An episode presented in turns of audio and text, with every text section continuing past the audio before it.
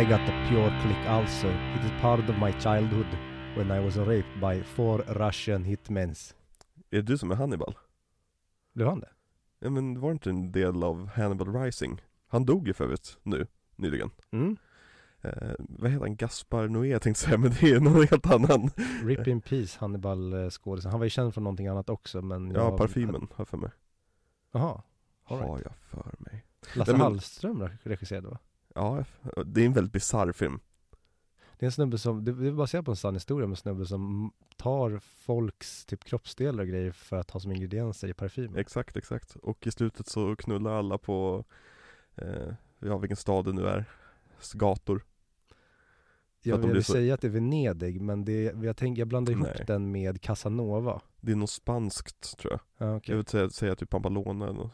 Pam, Vad heter det? Pam, Pamplona? Pam, Pamplona. Men det är väl ingen stad, det är väl bara en region. ja, jag vet inte Don't quote us on Spanish. Eh, Jag- Jag bryr mig inte om Spanien, alltså Förlåt alla spanska lyssnare vi har och alla, alltså Men Spanien är ju så här ett land som i mitt I mitt huvud så består Spanien av liksom, Barcelona Katalonien och eh, Madrid Och eh, jag vet, det ligger eh, granne med Marocko och där typ Där stängs mitt Spanien liksom intresse av mm. Fråga mig istället om Tyskland eller Frankrike eller Belgien eller Holland eller vad som helst så kan jag nämna det som väldigt mycket saker men Spanien bara Nej Men jag tror att det har ju som Jag tror vi har pratat om tidigare i podden att Jag har väldigt svårt för filmer som är we- alltså westernfilmer På grund av Mm. miljöerna Och Spanien i mina ögon, i, alltså i mitt liksom interna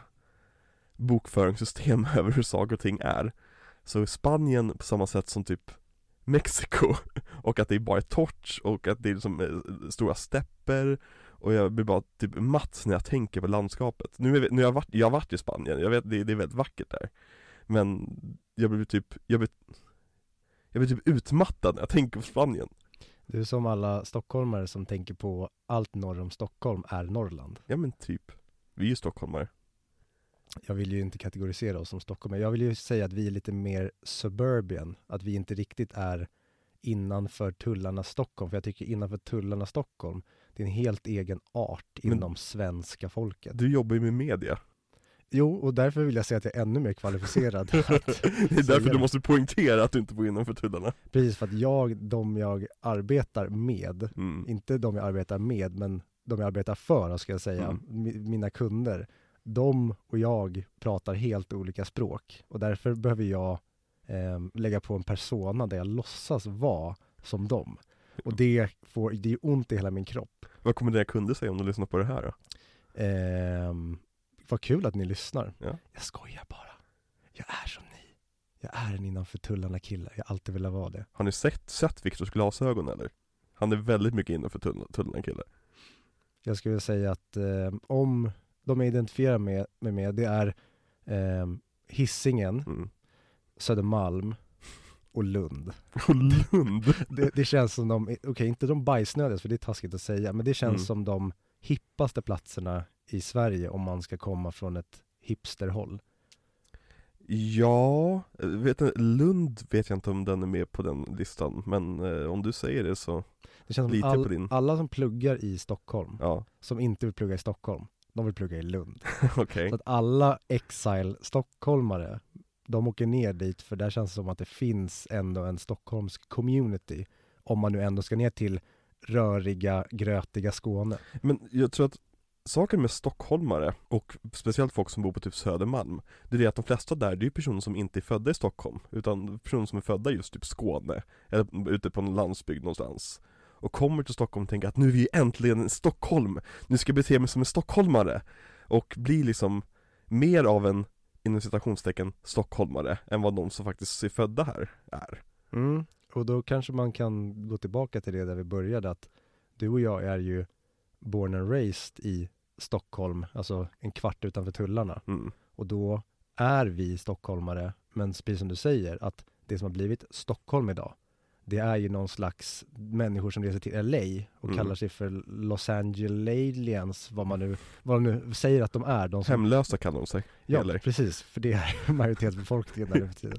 Men de är inte riktiga Californians, Nej. utan de är, de har vuxit upp med en fantasi och en romantisering om den platsen. Och då åker de dit och tar med sig så det blir en ny subkultur som sen blir majoritetskulturen. Ja men de, de är väl en slags liksom demografins nouveau riche liksom.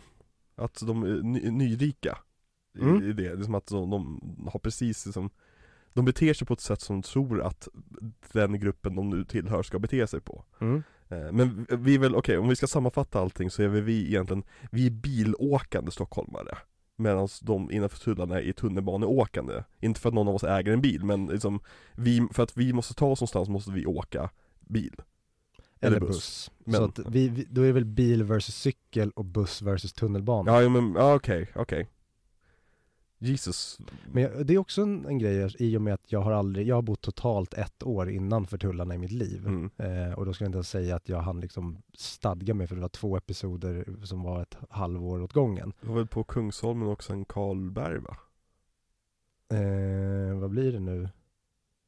Ja det stämmer helt och hållet. Nej förlåt, Östermalm och eh, Karlberg eller liksom vad heter det? Just det, du, det var någon äh, lägenhet från din morsas eh, någonting Nej det var min kära flickväns farbror som hade en lägenhet det. 100 meter ifrån där jag jobbade, Exakt. passande nog. Så vi fick eh, låna och bo i den. Och När sen jobbade så, på Compriser Exakt. Fy fan vad smutt du måste haft det Att Det, du kunde gå hem från jobbet därifrån det var drömhalvåret att verkligen när, för då jobbade Becka på Djurgården, Ja, så hon hade ju promenadavstånd till jobbet också. och Becka såklart, som måste säga, hon skulle egentligen varit med idag Men hon kunde inte, hon kunde tyvärr inte vara med Ja, och vi kommer komma in på det när vi väl någon gång i framtiden kickar igång det här avsnittet, för nu har vi bara suttit och ordbajsat om helt ointressanta saker, men det skiter vi. Det är väl inte så ointressant att prata om Stockholm? Att säga Okej. två stockholmare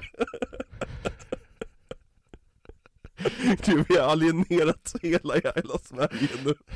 Och de som, de, all, vi har, vi har gett oss på de som bor i Stockholm och som kommer hata oss. Och vi har gett oss på de som bor utanför Stockholm som kommer hata oss. Ja, vi har, vi har försökt att vara, vad säger man, down with the kids, Ja. eller down with the country, men vi har bara alienerat alla samtidigt. Ja men det är som i ett spel när man, liksom, när man verkligen inte orkar slåss mot några fiender just nu men du måste ta dig igenom ett ställe där fiender finns Mm. Och istället för att bara acceptera att jag kommer pulla lite fiender, för de som inte kan eh, datorspråk, alltså pulla betyder att man liksom drar till sig, eh, från engelskans pull eh, Istället för att bara gå på ena sidan av fienderna och verkligen veta att jag kommer dra till mig dem men jag kommer nog kunna fly dem Så går man emellan dem och hoppas att ingen kommer se den, men då drar man bägge sidorna istället Åh, gud vad jag älskar tv-spel.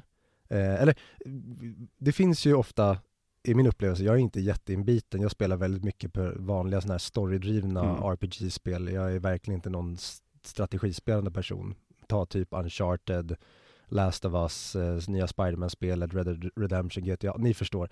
Ehm, och då finns det ju ofta två taktiker som brukar vara, det är att antingen går du igenom och sla- slaktar allt, eller så smyger du dig igenom det här Mm. området. Och jag är alltid den personen som vill undvika konflikten och bara ta mig igenom smidigt och inte väcka någon slags uppståndelse alls.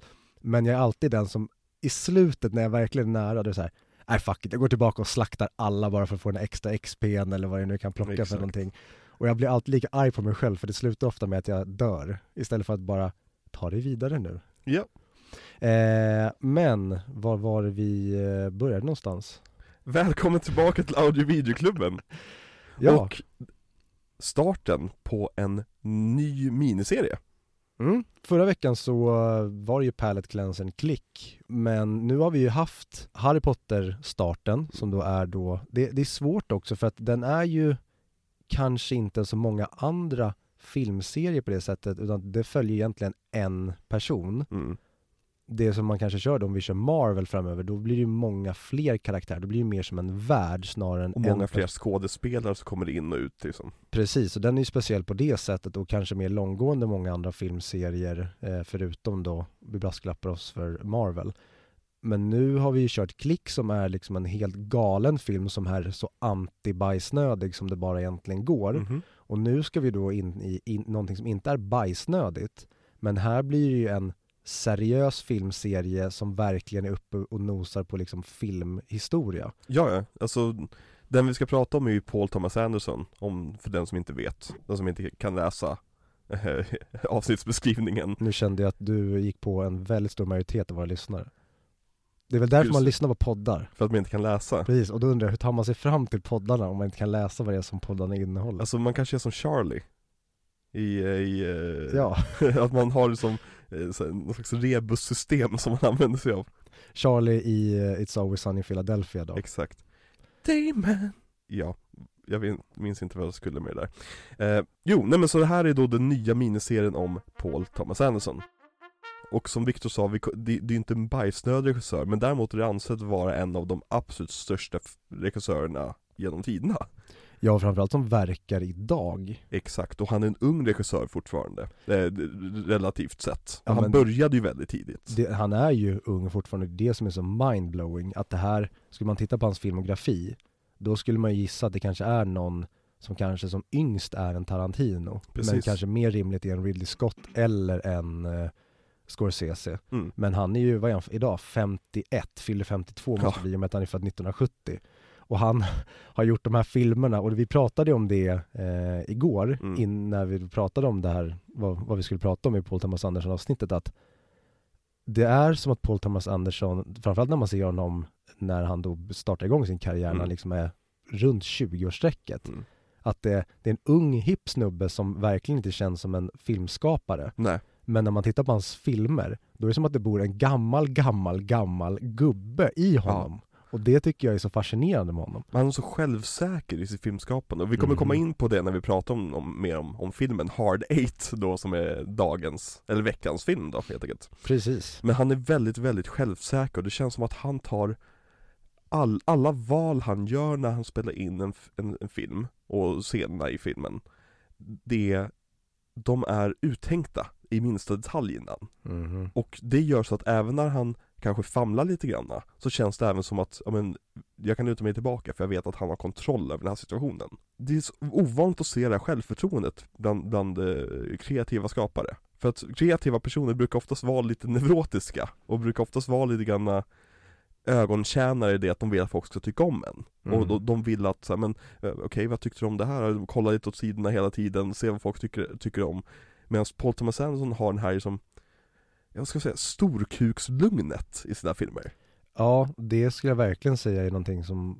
passar bra in på beskrivningen av honom. För det tycker jag även när man ser intervjuer med honom, mm. att det här är en snubbe som även, som du säger, när det, det kanske inte känns som att han har full koll på situationen och vart vi är på väg just här och nu, då är han tydlig med det att det här är fortfarande någonting som jag gör helhjärtat. Sen får vi se hur det här landar.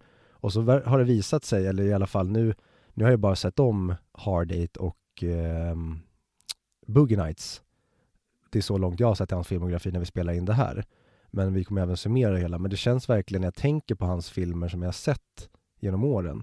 Då är det att de gångerna han tar chanser och risker, Mm. när det känns som att han inte har koll, då gör han det fortfarande med sån öppenhet och anti-osäkerhet att det faller snyggt ändå. Mm. Det är som när någon vacklar men skrattar åt sig själv när man vacklar. Och det är så här, gud vilken härlig person som inte tar sig själv på för stort allvar. Precis För att när du, när du utstrålar osäkerhet och du, eh, det, det skiner igenom att du försöker hålla upp en fasad, då blir det dubbelpannkaka. Men han känns som att han gör det motsatta. Precis Ja men det är som Jag lyssnar väldigt mycket på Vad ska man säga, progressiv rock Och progressiv rock då in- involverar att göra saker som Kanske inte känns som de absolut mest vanliga sakerna.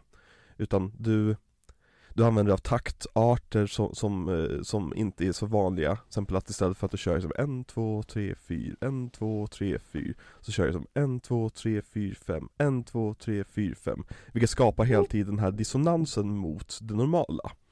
Vilket jag tycker väldigt mycket om. Och en, ett signum med en bra progg nu ska jag säga progg, men progg på svenska är en helt annan typ av, av musiksmak men eh, Jaha, progg- är det det?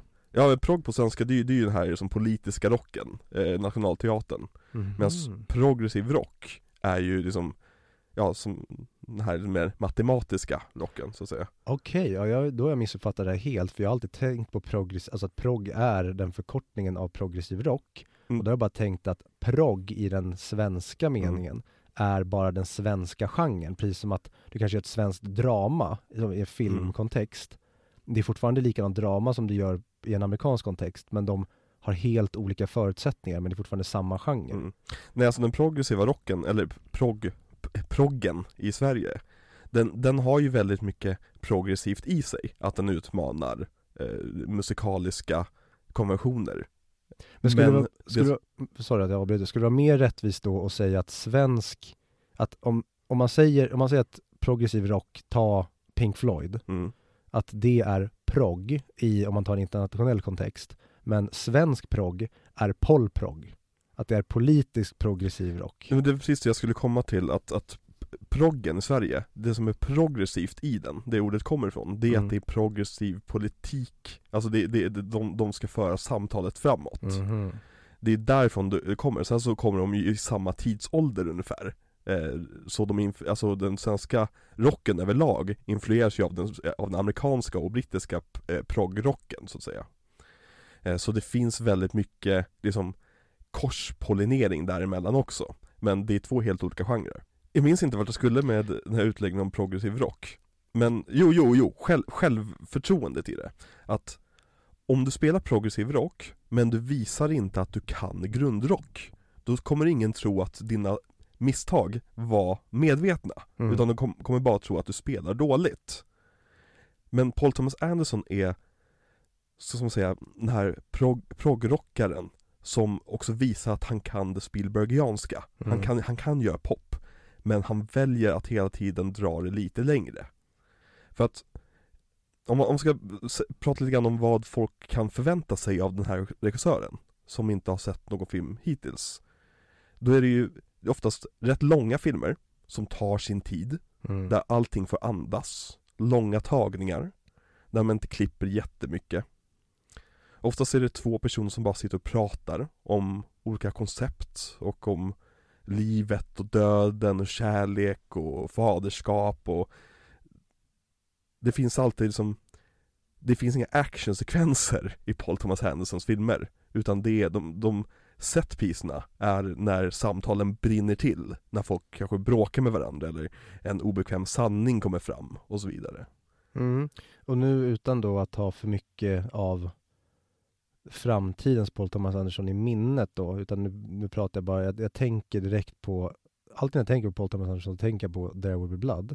Men ta då den filmen, eh, vilket vi kommer prata om, men bara när jag tänker på vad Paul Thomas Andersons klimax är, alltså vad säger man, actionscener eller liksom the big bang, Mm. det är mer när det blir sån spänning att det är typ nästan är jobbigt att titta på. Jag tänker Precis. mer på att Daniel Day-Lewis springer ut på ett fält och bara känns knasig i huvudet och bara springer till musik Mm. snarare att det blir en konfrontation. Jag tänker ju inte på till exempel när han sopar på Paul Dano Nej, i bowlings i rummet. Det tänker inte jag på som en actionscen. Det tänker jag mer på som suspens jävla drama. Så precis. att det blir nästan som, alltså, tar du, rör du dig i rummet, då kommer allting bara explodera. Det är den typen av action jag förknippar med honom snarare än pang bom Christopher Nolan action där det blir som ett stort bara spektakel. Utan Ja. det är när allting står still och det är sån spänning att allt brister nästan. Mm. Min, min pappa och jag såg The Master när den kom Mm. eh, och han avskydde den filmen för att han tyckte att det var en, en som man brukar säga, en skådespelarfilm Mm. Att det är bara massa skådespelare som gör sitt absolut bästa och de, de sitter och spottar och skriker mot varandra och vi förstår att de här filmerna kanske inte riktigt är de mest publikfriande men det är också några av de mest omtyckta filmerna i som, filmhistorien. Varenda film han har släppt efter den här som vi ska prata om idag Har blivit hyllade som så här: okej, Oscars darling på en gång, Oscars darling. Så även fast ni känner att som jag försöker få med er lite grann på tåget här, att även om ni känner att så, men det här är inte min typ av film kanske Så se jättegärna de här filmerna med oss, för jag tror att ni kommer upptäcka väldigt mycket som ni kanske inte annars hade upptäckt. Mm, och jag tänker om man tar Christopher Nolan i den uppenbara där det var typ actionfans mm. som ändå fick känna sig smarta. Mm. Alltså han blandade den psykologiska dramafilmen med sci-fi och actionfilm och gjorde så att han drog in så många i en mix. Och det är väl det som Paul Thomas Anderson gör på ett annat sätt, skulle jag säga att han tar de bajsnödiga cineasterna Mm. och tar även de som kanske gillar biofilmer och möts men på ett helt annat sätt än vad Nolan gör. Att det blir Oscars buzz, de väldigt bajsnödiga personerna som gillar liksom Jim Jarmusch eller eh, någon annan, eh, ja. Snacka inte skit om Jim Jarmusch. Nej, jag har för dålig relation till Jim Jarmusch. Jag såg bara senast den här The Dead Don't Die eller vad den Ja. heter och den tyckte jag var Jag har bedrövlig. inte sett den. Är inte Bill Murray med den? Jo, det är jättebra kast, Adam Driver också. Ja, just det. Så den hade, den har sjukt intressant premiss, men den blir blaj och blahu. Mm. Eh, fel kanske att ta Jim Jarmusch, men att du tar Paul Thomas Anderson, då har du även liksom mormor kan se den för att Mm. hon är uppvuxen med viss typ av filmer. Men du kan även ta ehm, de moderna kidsen, Mm. funkar Paul Thomas Anderson för också. Om du inte går in och förväntar dig Christopher Nolan, för då kan du alltså tappa det helt. Så jag tror även, vi kommer komma till det, men vi kommer nog prata med, om också, är, vilken är den bästa Paul Thomas Anderson-filmen att börja Mm. med? För jag tror att det kan bli svårt om du ska börja och träffa Paul Thomas Andersons filmografi med typ The Master. Ja, För då kan det bli att shit vad är det här för någonting? Då kanske ta Boogie Nights är en mer ehm, vänlig film att bjudas in i. det är ju en väldigt sebar film. Boogie Nights. Mm. I det den, nu ska vi prata om Boogie Nights nästa vecka men, men han har ju ett, ett sätt att trollbinda publiken på en gång. Mm. i mina ögon. När jag, ser, när jag slår på en Paul Thomas Anderson film, då vet jag att under de första fem minuterna kommer jag vara fast i den här filmen. Mm. Jag kommer sitta och, liksom, och vara helt besatt av den här skärmen, när, när någonting som han gör rullar på skärmen. För att det, han, han, man ska säga, på, på engelska finns det ett väldigt bra uttryck med rope in, som en cowboy ni vet. Att man liksom använder ett lasso för att dra, dra till en. Och det känns hela tiden som att alla hans scener är eh, att man blir inropad i att, i att vara fast med det här.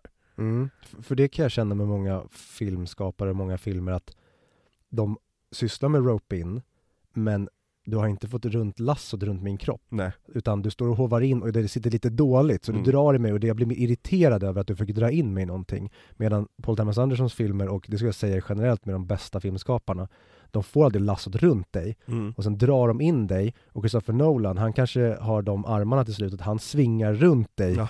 när du är fast i lassot så att det blir som en rollercoaster. Och det är väl det som kanske skulle vara då om man skulle ha kritik till Paul Thomas Anderson om man inte gillar hans typ av filmer. Det är att du inte får den här lassosvingen på slutet. Mm. Utan när du har, ehm, när han har liksom ropat in dig till slut, då kanske han bara knuffar dig baklänges så att du ramlar på rumpan eller släpper dig där. Och så tänker du, var det här allt? Mm. Utan istället för att tänka på att, jo men det är hela rope-innen och att du är bunden från början. Mm. Det är ju hela poängen med filmen. Det är att du följer med på en resa och du kanske inte får det big bag, alltså big boomet i slutet Mm. som du får med många andra där du får ett tydligt klimax. Utan du kanske ska känna dig tom efter. Mm. Och det är det som gör att den liksom växer in i dig på, på sikt. Men direkt efter att du går ut från biografen eller från soffan så är det bara, äh men fy fan, var, var det bara det här det var? Mm. Men att den äter sig in i dig över tid. Och så tänker man på den i flera veckor efteråt. Exakt, snarare än att man sitter och tänker på den stora dockningsscenen i Interstellar som the big bag, liksom du fick din Big Mac och company och du vet precis vad Mm. det var. Så sitter du och undrar efter, vad var det egentligen som var Big Macen och companyn? Jag vet inte. Mm. Och det är det som gör mig typ förälskad i det på sikt, att det var väldigt mycket här som var väldigt gott, men jag kan inte bestämma mig för vad var den här stora triumfen i det Mm. hela? Och jag tror en bra jämförelse, jämförelse, en bra sägning Fan, nu, nu proppar jag upp mig själv här Men eh, det, det är det att Paul Thomas Anderson, han gör blockbusters för filmnördar Mm? I det att de är väldigt lätt-tittade oftast För att oftast när man pratar med personer som ser jag, jag, ska, jag ska försöka att inte låta nedsättande, jag, jag älskar blockbusters, men folk som typ bara ser blockbusters och, och så vidare Mm. kan ha lite av en tröskel för att ta sig an riktiga filmskapare i, inom citationstecken. Sådana här lite, lite mer filmvetarpersoner så att säga. Och jag tror att Paul Thomas Anderson kan vara ett jättebra instegs, en instegsdrog så att säga För att ta sig an lite mer utmanande filmskapare För att han gör väldigt publikfriande filmer i slutändan Med rapp dialog, med intressanta karaktärer Och där all, allting egentligen eh, bara förs ihop på ett snyggt sätt. Du behöver inte du blir, ofta, du blir oftast tagen mer på en resa av Paul Thomas Anderson. Du behöver inte sitta och göra så mycket arbete själv som med lite knepigare filmskapare. Mm. Så jag tror att om, om man känner att, ja men nej, jag vet inte riktigt om, om att sitta och kolla på någon två timmars lång film med två personer sitter och pratar med varandra, om det är min grej, så, men testa det. Det är, Ja, för han är ju en av de bästa, definitivt idag, kanske alltså uppe där bland de bästa någonsin på att göra det han gör. mhm, Och då är det kanske svårt att, det, det kanske är en svår regissör att komma in i tidigt om man älskar, alltså om man blivit intresserad av film på Mm. riktigt och börjar liksom intressera sig för mer, låter så jävla bajsnödigt, men konstformen snarare än att jag vill vara underhållen en fredagkväll och Mm. sitta med lite godis.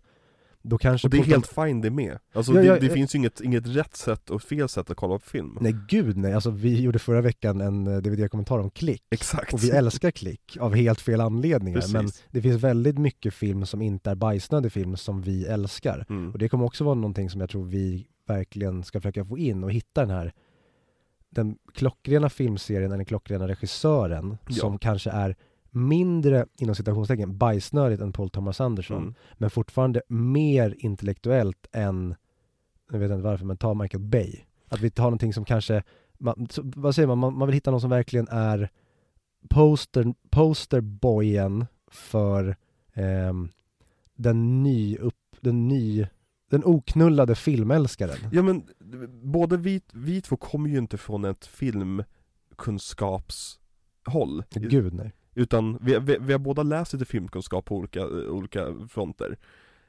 Men vi kommer ju båda från blockbuster-hållet. Jo ja. Och jag tror det är lite grann det jag vill förmedla vidare till lyssnarna att om ni är liksom från blockbuster-hållet och gillar Nolan och ni, ni kanske har sett någon, någon Darren Aronofsky ni tyckte om någon gång och så vidare Ge, ge Paul Thomas Anderson en chans För jag tror att ni kommer tycka om det väldigt mycket Ja, och för er som säger, tycker att vi låter som två jävla idioter, nu, Mm. nu försöker ju vi bara egentligen, de vi alienerade med Stockholmssnacket, Ja. som hatar oss, nu försöker vi bara säga att bear with us här, att det här det, det här kan vara någonting annat än vad det först verkar på ytan, men det kanske är så att 99% av de som lyssnar ty- tänker att men vad fan, alla vet vem Paul Thomas Anderson är, alla har väl sett Magnolia, alla har väl sett Jag har inte eh, sett Magnolia Nej precis, och där direkt avslöjar vi våra brister och det är det som kommer vara kul också med när vi, för vi tyckte verkligen att Paul Thomas Anderson var, dels för att Licorice Pizza typ kommer ut precis nu Mm. när vi släpper det här eh, och att han släpper en ny film men även att han är en så bra regissör för att det finns titlar som du och jag inte har sett mm. och titlar som vi inte har sett sen de typ kom. Mm. Alltså det är så många, jag har, så, jag har sett Magnolia en gång, jag minns ingenting förutom de här uppenbara grejerna som typ alla nämner när de nämner, pratar om Magnolia. Mm. Grodorna Ja men det var precis den grejen jag ville säga utan att säga det. Och alltså egentligen, det är en filmskapare som jag typ aldrig har sett om, men varje gång jag hamnar i kontakt med honom så är det bara så här, åh gud vad bra den där Ja. var. Nej men, för, för mig blev det Det som verkligen övertygade mig att vi måste köra Paul Thomas Anderson Det var någonstans i november förra året När jag låg, eh, jag tror jag var sjuk Och jag, bara, jag ville bara ha en bra film, jag ville ha en filmfilm. Mm. Om du förstår vad jag menar. Och så kollade jag på, vad finns det för något att kolla på? Och så gick jag in på, jag tror det var HBO Max. Så. Direkt när jag såg loggan till There Will, There Will Be Blood. Nej nej förlåt, No Country for Old Men. Jag blandar alltid ihop dem. No, Nej nej, There Will Be Blood heter den ja. Ja, men, men jag Nu gjorde jag, sjukt, exakt så var det, och de kom, kom de till och med Ja. samma år? det gjorde de Ja okej, så det, ja, och de liksom har båda den här, vet du det? Western-ish liksom Exakt, ja så jag är verkligen skyldig till exakt samma brott. ja. Och det är nästan man skulle kunna byta de två titlarna och det skulle funka hur bra som helst Mhm. Men There Will Be Blood, när jag såg titeln på den och jag såg liksom eh, Daniel Day-Lewis ansikte i cowboyhatten där så bara Där har vi filmen! Och så slog jag på den och tänkte att om jag inte, om jag inte är fast inom 20 minuter så, så byter jag till någonting lättare att kolla på Mm. eh, Men jag var fast efter två minuter. Ja, Mm. och ehm, där kanske vi har fått ut någonting vettigt av någon slags pitch för varför ni bör hänga med oss på The Paul Thomas Anderson Rollercoaster. Och- de kommande nio avsnitten blir det väl? Det blir det tror jag. Och om ni känner att ni inte vill göra det i alla fall, så vi kommer komma tillbaka till lite mer glättigt efter den här miniserien.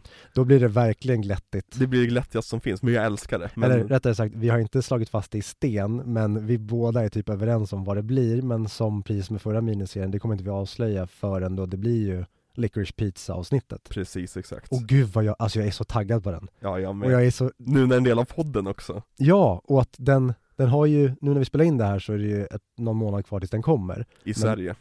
Ja, precis. För att det är också, det är också någonting vi kan prata om framöver, det här med 2021, 2022 releaser och hur distribution funkar. Ja. Att vissa filmer, de kommer jätte- jättelångt efter till Sverige och vissa filmer, de kommer till och med en vecka före till Sverige och hur det där funkar. Det, Bara det i sig är nästan ett avsnitt. Vill du dra till ett stickspår så kan vi göra det, för att jag har mycket om den punkten. Kör! Nej men för att svenska releaser, när det kommer till Oscarsfilmer, Oscarsfilmer släpps ju i USA i slutet på året. Oftast i december, november, någonstans där. För att Oscarsgalan är i början på 20, eller år, året efter. Exakt, för att det ska vara färskt i folks huvuden när de sen ska rösta. Mm. Men de här Oscarsfilmerna, det är oftast filmer som inte går jättebra på bio. De är väldigt bra, oftast. De har väldigt mycket stora skådespelare i sig. Men bioklimatet har ändrats så mycket så att de här filmerna går ju inte särskilt bra nu för tiden. De filmerna som går bra det är ju Spider-Man och Avengers och jag tänkte säga Marvel, men nu har jag nämnt tre Marvel properties. Och, och det är också en intressant grej nu i år, Mm. när det, nu vet, alltså, hej på er framtiden, för att när det här släpps så har Oscarsgalan redan varit. Mm. Men det är också, nu pratas det jättemycket om att eh, nya Spiderman-filmen No Way Home, som är exakt så heter den, Mm. Att den då ska vara en Oscars-contender. Och just nu känns det verkligen som vi lever i en tid där hela kartan för vad som är Oscars-material håller på att ritas om. Och det kommer vi även komma tillbaka till när vi pratar Paul Thomas Anderson, när man då pratar om honom som, han är ju en filmskapare, han gör ju Mm. film, film. Han kommer från alltså filmnördshållet där han, det finns en viss typ av konstform som han vill få ut. Medan nu håller ju nästan kartan på att ritas om till att det ska bli som nästan en Instagram-scrollning i eh, två och en halv timme på en biograf. Mm. Att du ska bara få ny content varje sekund. Precis. Och därför är de som nästan har the biggest buck som kommer vinna, för de kommer kunna ta, kunna ta in best content, inte för, eller det är väl inte ens en spoiler längre, men ta då Spider-Man, Spider-Man No Way Home, är Mm. det ultimata exemplet på där du tar in bara, alltså så mycket content att Mm. din hjärna håller på att explodera. Och jag vill bara lägga in brasklapp, jag älskade No Way Home, men jag tycker inte på något sätt att den är värd en Oscar. Och jag håller med där, jag är inte generellt ett fan av MCU, Mm. men jag tycker, alltså framförallt när de tar tillbaka gamla skådisarna Ja. som har varit med i, alltså gjort någon inkarnation Det av piddrar i pungen. Ja, och det, jag minns det när du och jag, när vi växte upp och tittade film Ja. och någon från någonting annat dök upp Mm. i en annan film och jag bara så här, Oh my god vad coolt det var att de fick med den här personen på ett litet, litet hörn Eller att de bara nämnde en Mm. karaktär Men då fanns det inte budget eller det var inte så globalt och lätt Nej. kommunicerat att man kunde liksom nästan göra mätningar på vad kommer det ge för utslag om vi tar in den här, är det värt att lägga den här backen Mm. på personen? Och sen fick vi ju typ det vi bad om Mm. och nu är jag ju som alltid, när, som, jag är en, en, gubbe, en konservativ filmgubbe, att vill, det var inte det här jag ville. Men samtidigt hade jag väldigt kul i biosalongen Ja. med No Way Home. Men det jag skulle komma till med bioreleaser, det var ju det att de här filmerna som släpps i slutet på året i USA, SF har ju inte så jättemycket eh, förtroende för dem. Många filmer släpps inte alls i Sverige. Utan de, om de vinner någon statyett på galan, då släpps de i Sverige. Ja, och annars så går de på typ Sita, eh, Ja, någon annan precis. Liten, Victoria. Ja, precis, någon liten, liten biograf som ibland inte ens är kopplad till då nu Filmstaden Ja. eller för SF, utan det är de här svenska bio som plockar in. Exakt. Så, och, och även, även om det skulle vara så att de har ett förtroende för dem så brukar de alltid skjuta upp det så att de släpps ungefär i samband med Oscarsgalan. Medans när det kommer till blockbusters och Disneyfilmer så har Sverige under, jag tror 30 års tid, har Sverige varit lite grann av en testmarknad för eh, blockbusters. Mhm. Och speciellt sci-fi. För svenskar älskar sci-fi jämfört med resten av världen. Och ändå så gick inte Ex Machina på bio här. Som hade, fast det är inte den typen av sci-fi vi älskar. Nej, Eh, eller det är den, förlåt, det är inte den typen av sci-fi vi älskar, det är den typen av sci-fi vi älskar. Ja. Men ja, jag förstår vad du menar. Nej men eh, under, under väldigt lång tid, det här är som innan internet och liksom innan, innan eh, eh piratande och grejer. Eh, Så Sverige blev liksom en testmarknad för blockbusterfilmer. Så s- i Sverige och i många andra nordiska länder har de väldigt bra avtal med de här företagen. Så vi får nästan alltid de här typ Marvel-filmerna och Star Wars-filmerna en vecka före resten av världen. Just för att de ska kunna känna av temperaturen på publiken, känna av vilken typ av marknadsföring, okej behöver vi gasa på på marknadsföringen? Behöver vi gasa ner på marknadsföringen och så vidare? Så därför får vi det här otroligt märkliga release-schemat i Sverige, att vissa filmer får vi jättemycket tidigare före resten av världen. Och vissa filmer får vänta ett halvår efter premiären för att få. Pixar är verkligen det exemplet där vi alltid får vänta så sjukt Jag fattar länge. jag, jag måste, om, om det är någon som jobbar för typ svenska Disney eller någonting, har lite koll på det här, vill, vill eh, skriva ner lite anonymt till oss hur det här funkar, så får ni jättegärna göra det. Men jag undrar verkligen varför Pixar-filmer alltid kommer efter sommaren i Sverige. Mm. För att de släpps alltid i början på sommaren i USA Och sen så en hel sommar av att mina filmvänner i USA sitter och diskuterar de här filmerna och spoilar den till höger och vänster Och sen så får jag se den i augusti Och är typ utled på den Ja, och det, vi kanske aldrig mer kommer ha det problemet om vi inte, vi, vi lär väl gå tillbaka till det normala. mm. Men jag får ju lite, jag, det jag tycker framförallt är synd med Pixar nu för tiden, nu har de ju pumpat ut väldigt mycket film. Jag älskade det gamla Pixar där de nästan gjorde en film åt gången. Och det var nästan som att bara så här, vi lägger allt krut på den här rullen. Och sen när den har släppts, då är det nästa rulle. Att det blev nästan som att det blev som en liten studio som hade inom citationstecken en regissör och vi lägger hela studions kraft på den här regissören fast nu var det mer som ett animeringskoncept. Alltså jag tror att det där, nu, nu vi, kommer, vi kommer säkert ha en Pixar-serie i framtiden för det är väldigt intressant att prata om Pixar men jag tror att det där kan nog bara vara en effekt av att vi har blivit äldre Att vi känner tiden går snabbare för att de, de pumpade ut filmen när vi var yngre också Men inte i den här takten som de gör nu. Alltså nu har det kommit vad fan är det som finns nu? Jag har inte ens hunnit se eh, Soul, heter den väl? Ja, så kom förra året Och så kom Förra, förra. Luca samma år. Nej, Den- året efter Soul kom i december 2020 eh, Luca kom på sommaren 2021 Okej, men ändå. Och nu kom någon så här en kant, alltså det, är inte, det är inte Pixar, okej vad är det då? Disney Alright. Disney Animation och Pixar är inte samma sak Det är det här jag tror, jag tror att du lurar dig själv för att Nej men jag vet att det inte är samma sak, men jag vet att Pixar har släppt, det kommer vara så här, vänta, men en Pixar-film kom ju nyss. Varför kan inte låta den här filmen landa? Och det kanske är att den inte kom på bio, mm. att utan den, nästa film hinner då släppas i USA innan den knappt har hunnit landa på den svenska biomarknaden. För att Pixar har ju alltid jobbat med typ en film om året Det kändes som, och det är väl, det tycker jag verkligen är någonting som har blivit en, en tydlig markör. Det var att förut kändes det som att man la ner all kärlek och hade bra idéer när man Mm. gjorde Pixar-filmer. Nu känns det som att det kommer ut halvrisiga, det är nästan som att du får en Pixar-film, du får en Pixar-film och så bara, men vänta, är det inte bättre att vi alla jobbar för en bra story? Nu känns man gör halvdana stories, för jag Mm. tycker framförallt deras senaste filmer har varit så här, ja de var väl okej, men det har blivit ett tydligt dropp från efter egentligen Inside Out, eller vad, vad kom efter den?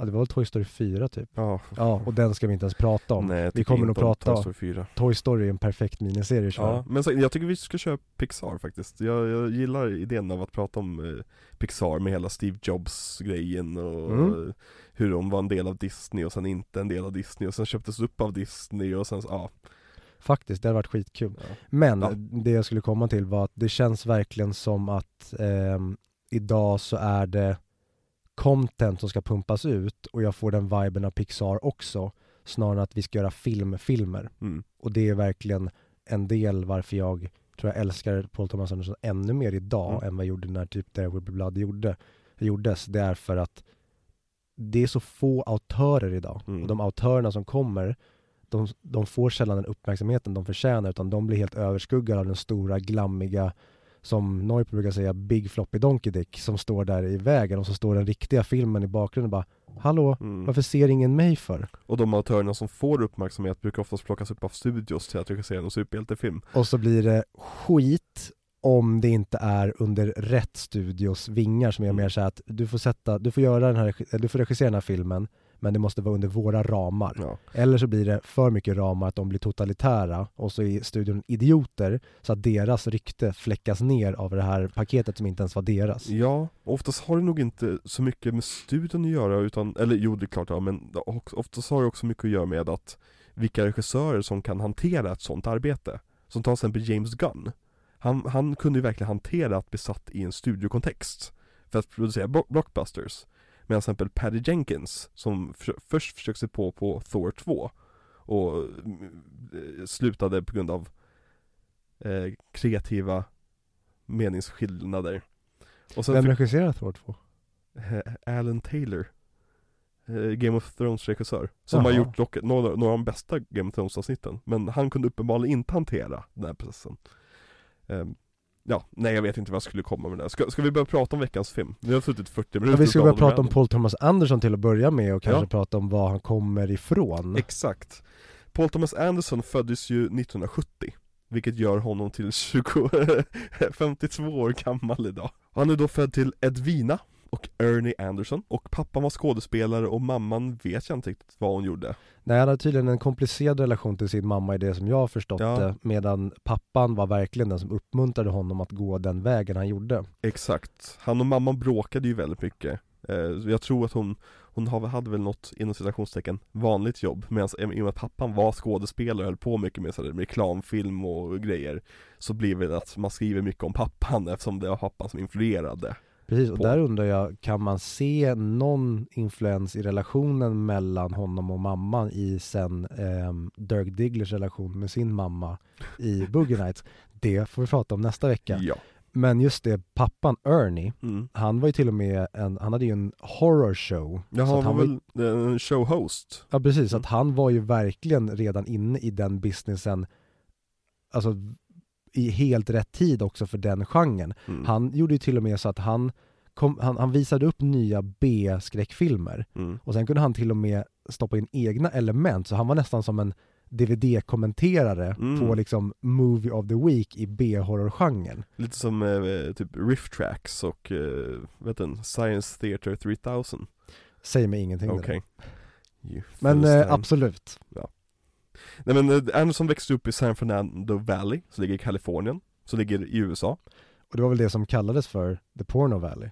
Ja, San Fernando Valley är ju verkligen Under den här tiden, han har sagt han är född 70 Det är precis när hippie-eran är slut. Och vi har alla de här nu vill jag säga proggarna, men då menar jag den svenska typen av proggare. Alltså ni vet, manchesterbyxor, sitter, bor i kollektiv liksom. Once upon a time in Hollywood. Ja fast det är ju 60-tal Ja men du tänker på liksom the classical hippies. Ja men att de utvecklades, de här hippiesarna utvecklades ju och skaffade sen familjer och blev lite mer stadgade. Och det är det som skapade 70-talet när det var just, det spelades in väldigt mycket porr i de här områdena. Det var väldigt mycket, mycket filmstudios, väldigt mycket kreativt skapande. Och eh, det är väl alla hans filmer som utspelar sig i San Fernando Valley. Nej, inte alla i och med att det är väl There will be blood, alltså de, vissa utspelar sig i andra tider. Ja fast den utspelar sig i San Fernando Valley Gör var den? blood, ja Okej, ja, jag, läste, jag fick för mig att när jag läste så var det typ fem av hans åtta filmer Okej. som utspelar sig där. Inte Phantom Thread här för mig, den är väl i England Nu har inte vi sett den heller, så Nej. kanske inte ska uttala oss om den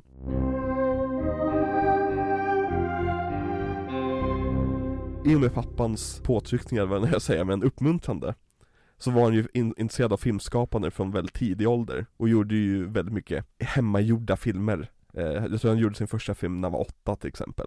Ja, det står på um, Paul Thomas Andersons Wikipedia att hans farsa var den första i deras neighborhood som ägde en VCR-kamera. Jaha, ja, ja, antagligen för att han jobbade mitt i branschen Precis, och eh, det är någonting som jag sörjer idag när jag växte upp att fan vad det varit kul att ha en filmkamera hemma. mm. Vi, vi har många familjealbum hemma men allt är ju stillbild. Och Va? inte, för att, inte att mina föräldrar var stillbildsfotografer utan vi hade en jävla standard vanlig kamera med filmrulle.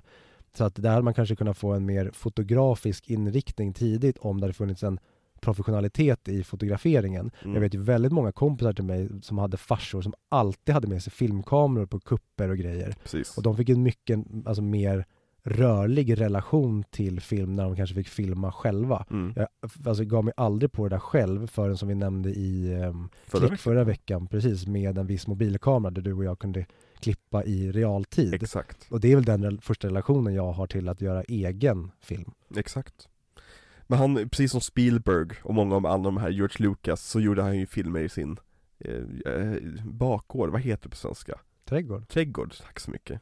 Backyard. Jag är alldeles för angliserad nu för tiden. Jag läser och hör så sällan saker på svenska.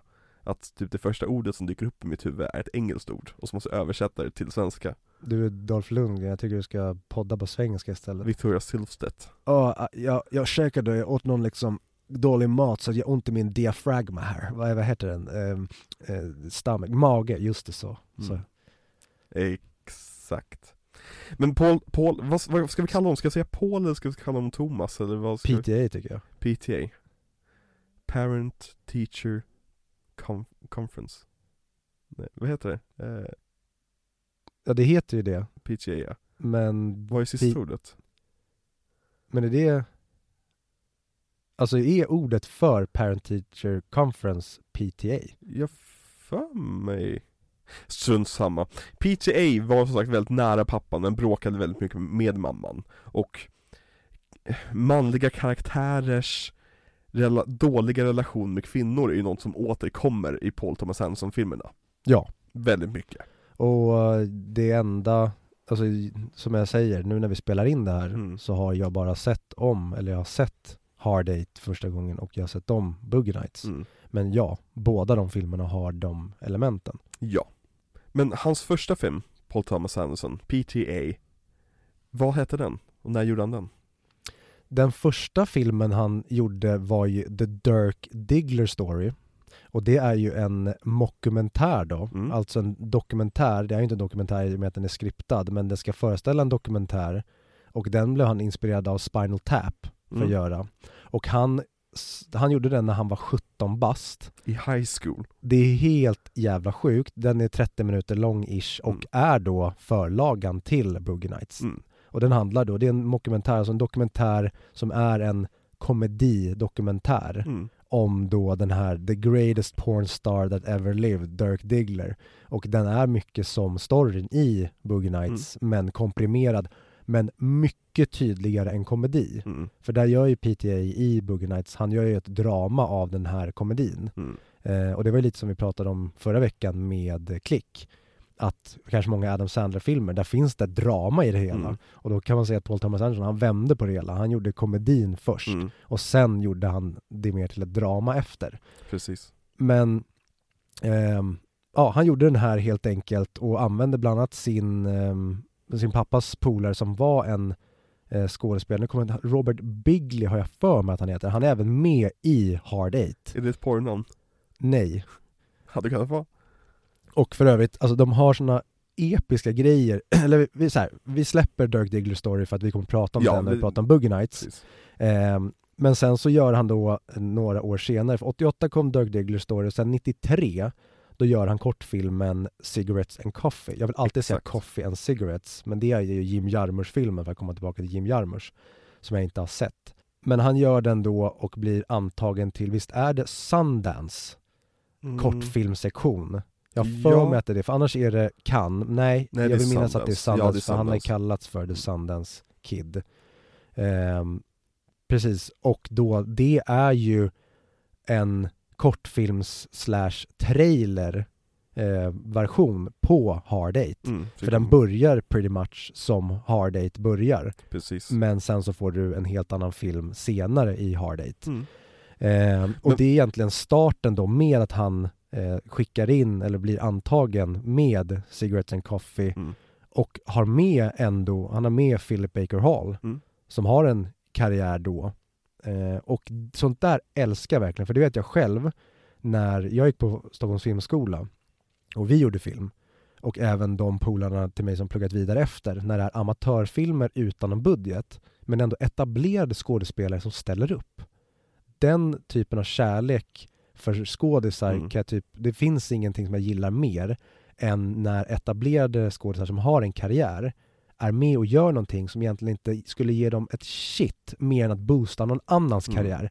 Det blir nästan som en filantropi. Ja men det är det, är alltså Nästan som att de är mecenat, liksom Mm. till filmskaparen Och det är, för, för, för att backa bandet lite grann, så, han gick ju precis som du eh, på filmskola också Han gick ju på Santa Monica College som är då en väldigt prestigefylld filmskola, så han fick ju antagligen väldigt mycket kontakter därigenom För det är ju en, det är en skola som, till exempel Sean Penn har gått på, Dustin Hoffman, eh, Arnold Schwarzenegger, James Dean liksom, all, alla de här stora legenderna från det här området har ju gått på Santa Monica.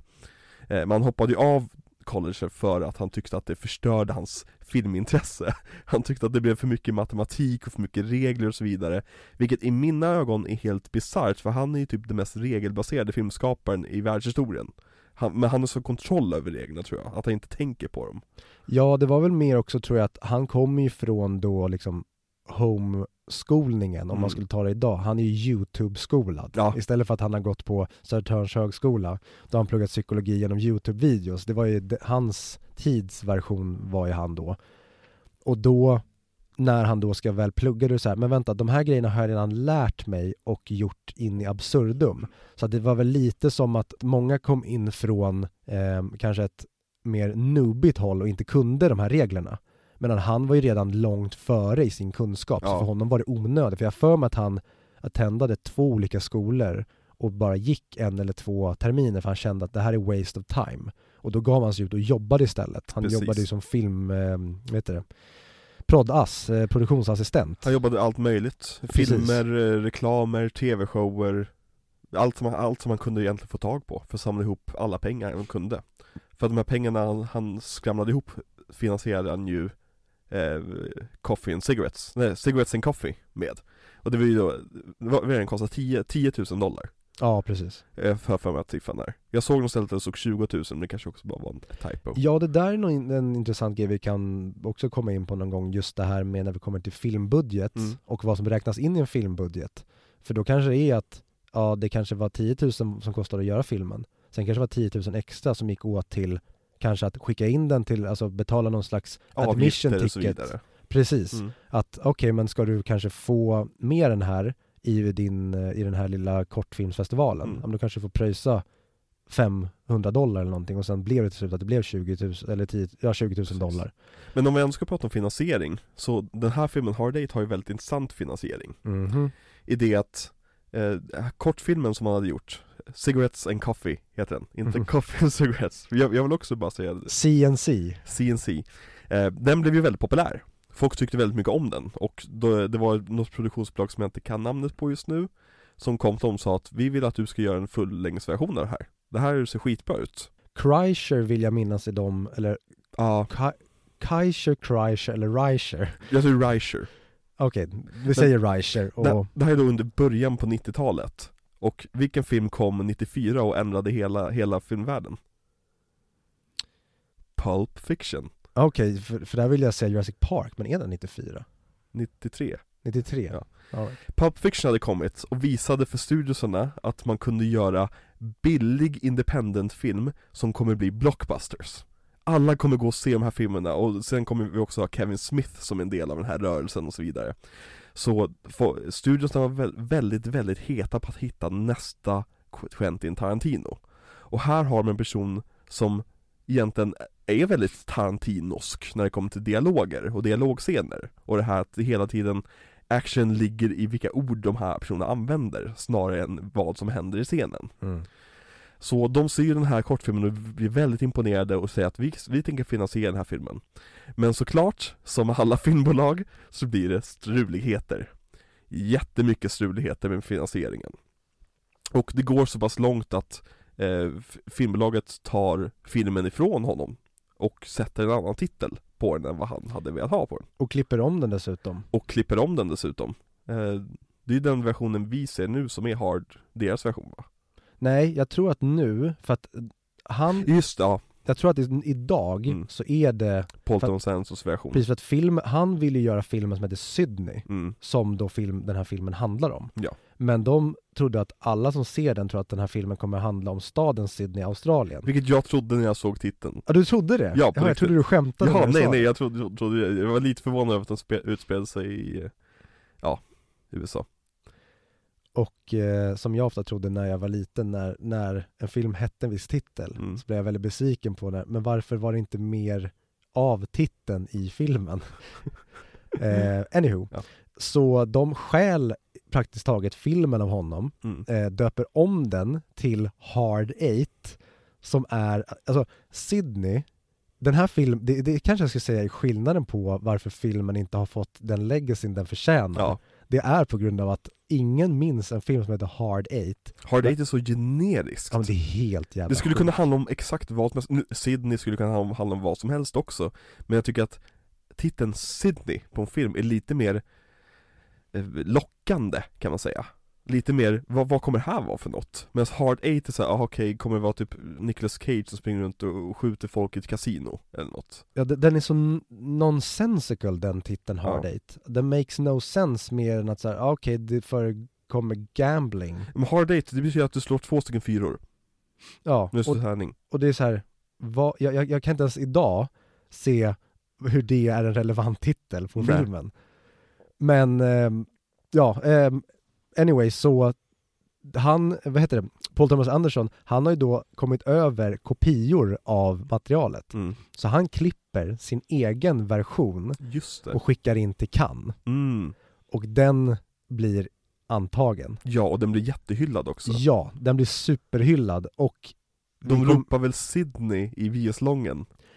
Jag har för mig legenden är, när Jag man har funderar Det är också vad jag har läst. Ja. Sen vet jag inte om det är en urban legend Ja, ja. eller om det faktiskt var så. Men just för att komma tillbaka till titeln, att den inte fick heta Sydney är verkligen en så stor skillnad för att Sydney hade varit ett så coolt namn på den här filmen och det är så kort och koncist och verkligen passande mm. för att det är verkligen en film om den här mannen Sydney.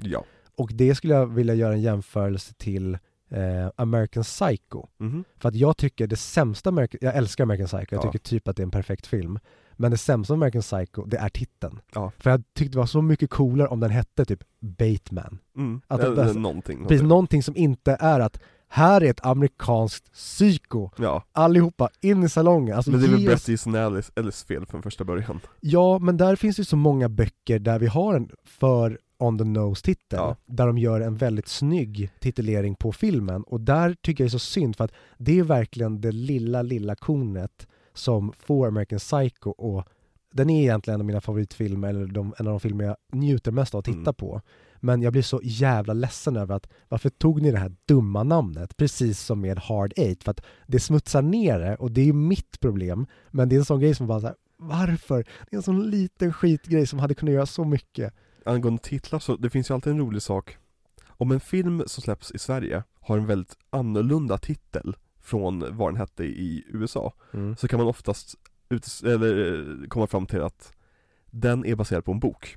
För att boken hade den här titeln Och därmed var de tvungna att döpa filmen till det eh, eh, The Fault in Our Stars till exempel Mm. Hette väl Förr eller senare exploderar jag. Ja, För att den som översatte titeln, boktiteln för tio år sedan liksom Den, den tänkte vi inte på liksom, så, ah, men jag översätter det till någonting liksom eh, Som har med titeln att göra i slutändan Men när filmen ska komma så istället för bara döpa den till The Fault in Our Stars Så har vi helt plötsligt en, en film på, på schemat som heter Förr eller senare explo- exploderar jag som, som, ja.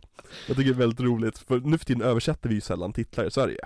Och gud vad jag hade velat se en komedi i typ, ehm, inte Three Idiots, vad heter den? Ehm, Three Kings ja, exakt, Three Kings. Nej, Three Lions tänkte Three. Lions, exakt, det var den filmen jag tänkte Four på. Lions heter den Four Lions! Jesus Christ! Så bra gick det. Ja. Eh, men jag hade verkligen velat se en film som är en komedi i Four Lions-anda som heter Förr eller senare exploderar jag, som handlar om en självmordsbombare som börjar dejta men han, han, de kan liksom aldrig gifta sig eller ha någonting långsiktigt för att någon gång måste han spränga sig själv. Ja.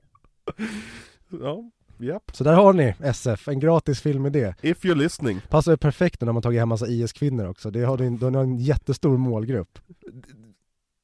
Jag bara konstaterade. En intressant aspekt som jag alltid blir lite förvånad över varje gång jag hör om sånt här Det är det att han hade ju fått jobbet att göra Boogie Nights innan Hard Eight var färdig Mm. Han använde sin lön från Boogie Nights till att klippa färdigt Hard Eight Alltså det är också så här.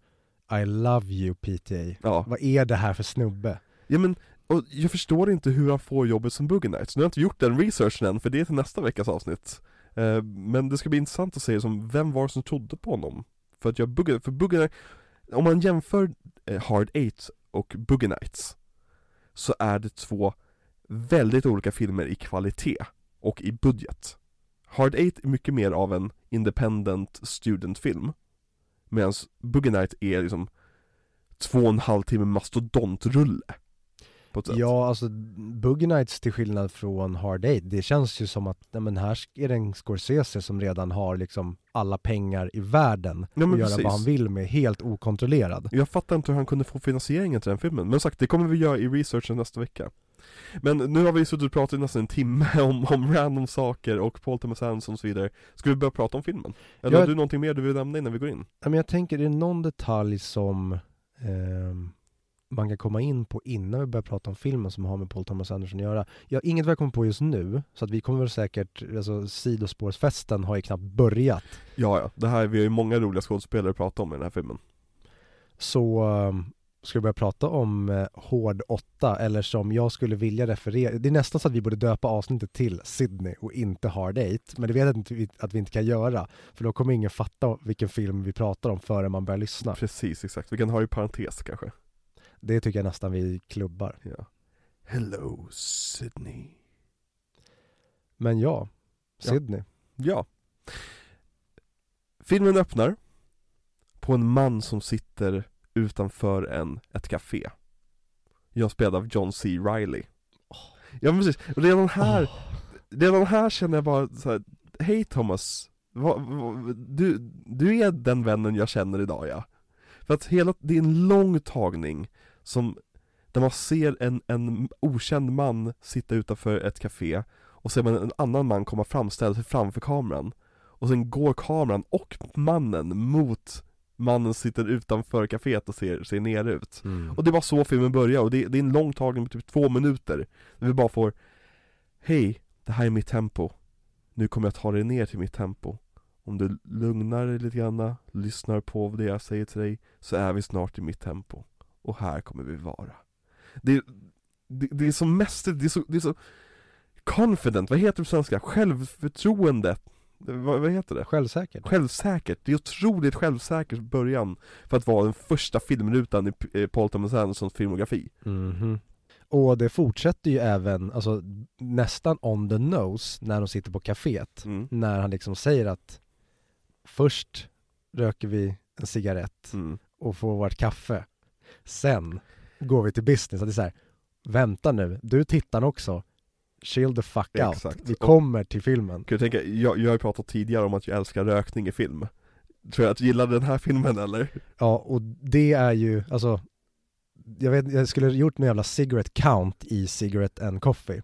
Men det är ju typ att hela filmen är nästan bara folk som tänder cigaretter. Ja, det, det är helt underbart. Men den här mannen som går fram till John C. Reilly bjuder in honom på just en kaffe och en cigarett.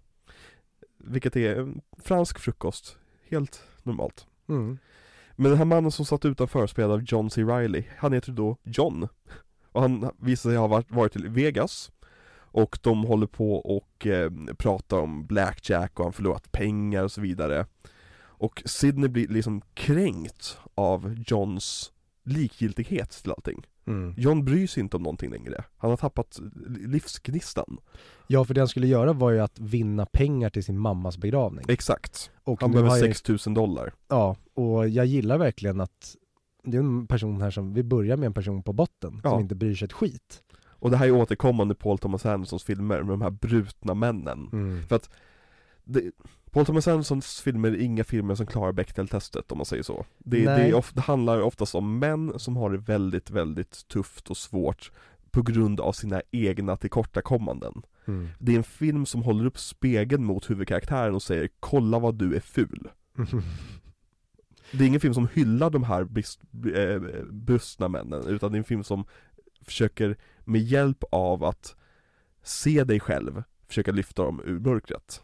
Ja, och det tror jag kan vara en, också en stor skillnad till varför han är så framgångsrik versus varför han kanske inte hade kunnat vara framgångsrik. Mm. Det är för att han inte gör något förskönande. Nej, Alltså ta bara Wolf of Wall Street eller ehm, Goodfellas som fick mycket kritik av att, ja, eller ta Gudfadern, ja. där folk trodde att, ja men där hyllar den här typen av genren. Vilket de inte gör, men om du bara ser liksom ytligt så är det det man tror att den gör. Mm. Det, man kan inte ens missta det för det Nej. i Paul Thomas Andersons fall, utan här är det nästan som att han vill visa varför de här männen är arslen och sopor. Ja men det är som att i nästan alla av hans filmer så följer vi skurken snarare än, än hjälten. Mm. Men skurken är ju protagonisten i alla fall, Mm. i storyn, som vi får berättas för oss. Ja men det är nästan uteslutande antihjältar han gör berättelser om. Exakt. Men den här mannen då som bjöd John på en kaffe och en cigarett, han heter ju då Sidney, spelad Mm. av Philip Baker Hall. Philip Baker Hall. Och han frågar John hur länge han skulle kunna leva på 50 dollar. Och John tänker att ja, men det kan väl leva på någon, någon dag sådär. Mm. Vet inte, det är en, en väldigt mysig diskussion som inte egentligen Det känns som de hela tiden ökar stakesen mot, mot varandra Och hela tiden lägger nya kort på bordet mot varandra Och det känns som ett spel mellan de här två personerna och karaktärerna Snarare än en konversation, tycker jag Ja, och det tycker jag också är bra då om man tar till, inte titeln Hard Eight, men Mm. vad den sen kommer handla om. Det är det nästan blir som då, som du säger, man kör ett slags kortspel mot varandra. mm. Och inte bara i Johns uppgivenhet, utan det blir nästan som att han, han håller på kanske information eller Mm. liksom inte berättar för mycket när då eh, Sydney börjar prata om pengar och Mm. ge honom pengar. Det är så här, vänta nu, är det som att jag håller på att lura den här gubben? Om jag bara håller käften och spelar mina kort rätt här, då kanske han ger mig pengar och sen kan jag dra. Precis, exakt För Sidney erbjuder ju då honom 50 dollar för att komma med till Vegas Och min första tanke när jag såg det var så här. Jaha okej, så det här kommer vara en gamblingfilm? Mm. Okej, men då, då, då är jag med på vad det här är för film. För att jag, jag hade ju aldrig sett den förut, hade aldrig läst någonting om den förut. Så jag var lite, satt fortfarande och tänkte, vad kommer det här vara för film? Men eh, okej, så det kommer bli en gamblingfilm alltså. Eh, men John informerar Sydney om att han suger inte kuk, och han kan tre typer av karate. Det är på, nej, nej just det, vi tar det, det påminner om en karaktär som vi kommer prata om nästa vecka. Ja, Fast ja. en person som suger kuk och Ja. kan inte karate. Men han går också med på, på Sydneys erbjudande och musiken kickar igång med ashärlig, jazzig musik, mycket orgel och så vidare. Eh, och titelkortet kommer upp, Hard Eight, eller Sydney menar jag. Ja, Eh, och de, de har, första delen av filmen är egentligen en roadtrip mot Las Vegas. Där John C. Reillys, eller John som han heter, och Sydney sitter och eh, pratar i bilen helt enkelt. Ja och där, där tycker jag filmen börjar peka åt att det kommer bli en annan typ av film. Mm. För det blir väldigt tydlig humor i bilen när han visar den här flashbacken till när han Oh. tänder eld på sig själv. Den här klippningen är helt underbar, Ja. man bara klipper in två sekunder av händelsen de beskriver för komisk effekt Ja, och här tillbaka till Tarantino, Ja. och det kommer även komma in på i Boogie Nights, att här känns det väldigt mycket som en Tarantino-rulle. Det hade Eller hur? verkligen kunnat vara, alltså jag tänker direkt, jag såg Once upon, a Once upon a time in Hollywood senast, men där gör de ju verkligen sådana grejer, där eh, Cliff Booth står på taket Ja, och man ser helt så långa segment av flashbacks och sen bara klipper vi tillbaka till scenen där vi var. Det händer såklart i väldigt många andra filmer, men det känns som en väldigt Tarantino-esk klippning. exakt, exakt. Som, som han i sin tur har stulit liksom från samma influenser som Paul Thomas Anderson har stulit ifrån antagligen Eftersom de är uppväxt i samma område. Förmodligen. Ehm, Men jag tänker vi kan landa lite i John C. Reilly här, för att han sitter ju och rantar väldigt mycket om till exempel att han inte använder tändstickor, för, Ja. som sagt för att det, är så märklig karaktärsbrist Ehm, Men John C. Reilly, vad tycker du om- om honom som skådespelare?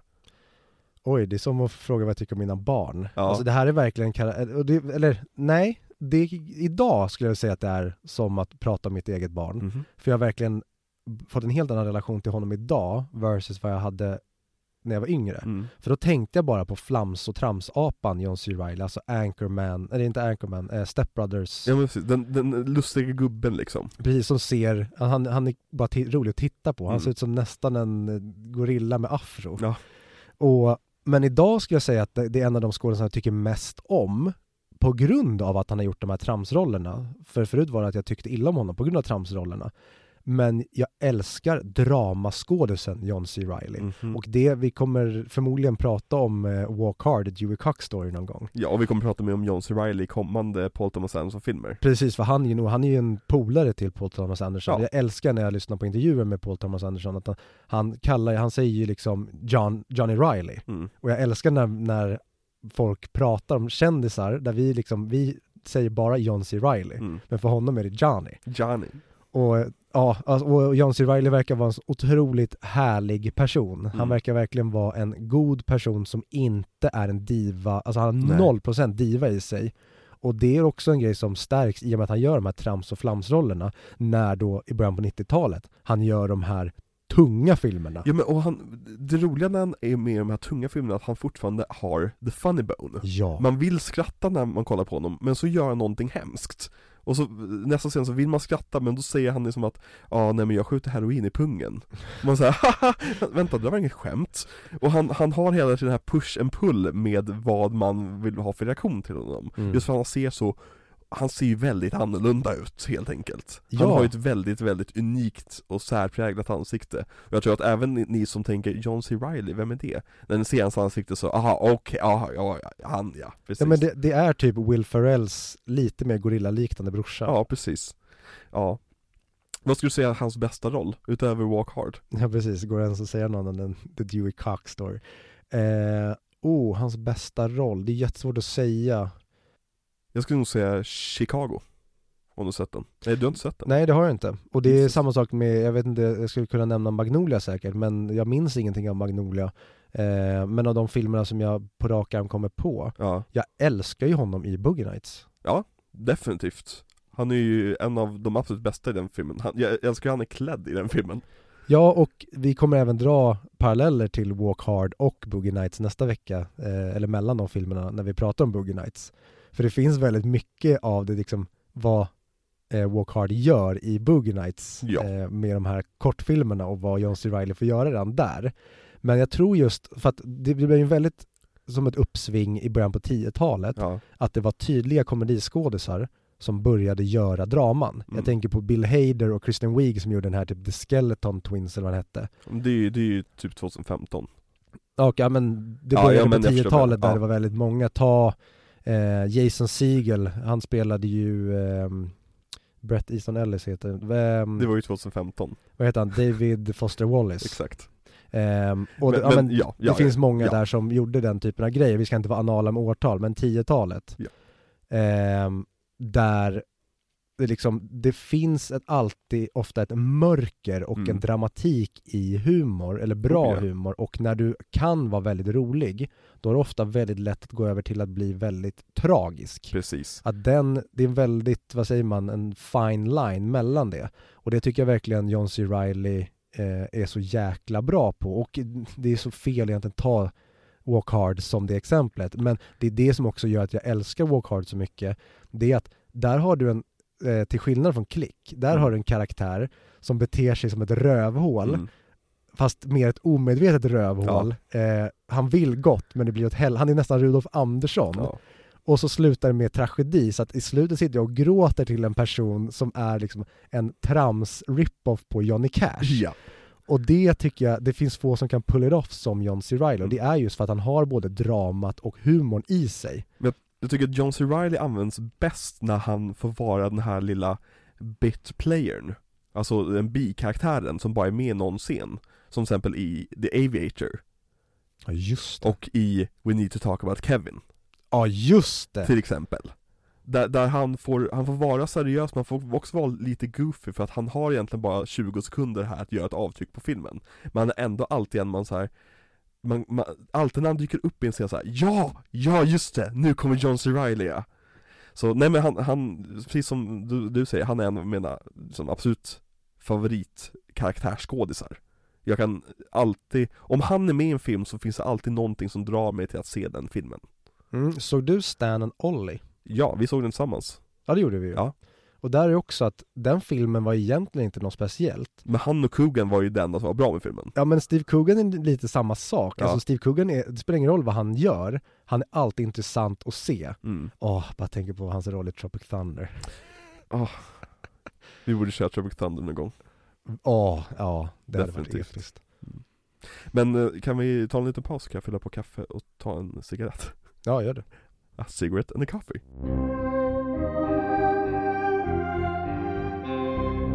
Ja, vi, har, vi är väl fortfarande ish kvar i eh, bilen och jag tycker det är väldigt, en rolig detalj, det är ju när eh, han först sitter i baksätet. Ja just det Sen efter en stund anser att han kan lita på den här mannen och att han inte kommer tvinga honom att suga av honom, Ja då hoppar han fram. Han är väldigt besatt av just det här med att han tror att han kommer tvinga tvingas bli, eh, suga av honom. Det måste vara någonting som Paul Thomas Anderson har varit utsatt för. Ja, att men, det eh, fanns en suga av eh, slags, vad säger man, valuta där han är uppvuxen. Ja men kanske, det är sagt gamla hippies och så vidare.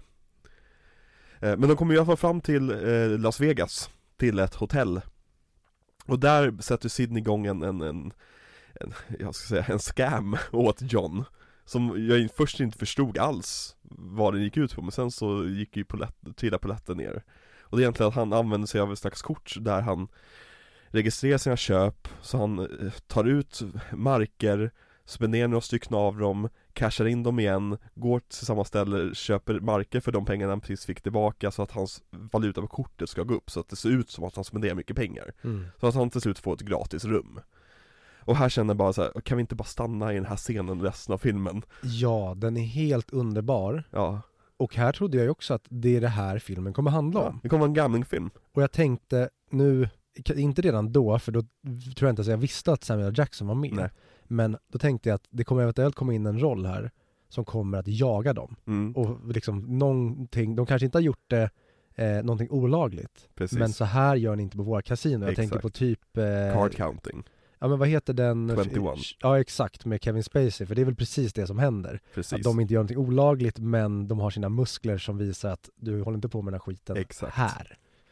Och det är ju många close-up shots på processer Som i Breaking Bad När Mm. man liksom får se någon som drar av, en, drar av en, ett papper från, från ett block liksom, någon, någon stoppar in ett kort i, i en dator My, mycket, mycket sådana shots som är Jag älskar sånt, när man liksom tar tid för att visa processen som sker här Det känns som det, och det här, jag kan vara helt ute och cykla men det är bara min känsla. Det känns som att den typen av shots har glömts bort i filmskapande idag. Mm. Att det känns nästan som att, inte dumförklara publiken men det känns som att det är en osäker filmskapare som gör så. Ja, Men jag tycker ju snarare det är ett tecken på att man är självsäker. Att man precis vågar visa de här detaljerna. Och det, det, det är tecken på planering oftast Mm. För att man, det är inte så att man bara bestämmer sig för att, ja men nu tar vi lite, lite, lite close-ups på det här Utan det är någonting som har storyboard, storyboardats fram genom Mm. en process här eh, Men som sagt, på grund av att han spelar så mycket pengar på det här kasinot Så får han då ett gratis rum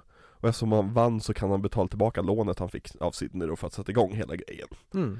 Eh, och deras relation sätts igång här helt enkelt. För att han kan ju inte hålla på så här hela veckan. Men Sidney säger då till John att men jag kan hjälpa dig att få ihop pengarna till din morsas begravning. Och sen kommer det största what the fucket i den här filmen. Är att helt plötsligt står det bara två år senare. Det är så jävla random och då tänkte jag att nu kommer det vara, nu, saker kommer ha vänts upp och ner. Ja, Men det är egentligen bara den, vi har hoppat över delen där man egentligen visar många montage på där det går bra. ja exakt, exakt. Eh, det behövs inte. Också så jävla ballsy av Ja. en ung filmskapare istället för att här har jag gratis möjlighet att göra roliga scener alla Scorsese Precis, får se energiska scener. liksom. Ja, precis Ja. här får vi se the man in the making. Bara, nope, Näpp. ni är för smarta, ni fattar. Ni, exakt, ni, ni, så fort ni, vi träffar de här karaktärerna igen så kommer ni fatta dynamiken mellan de två.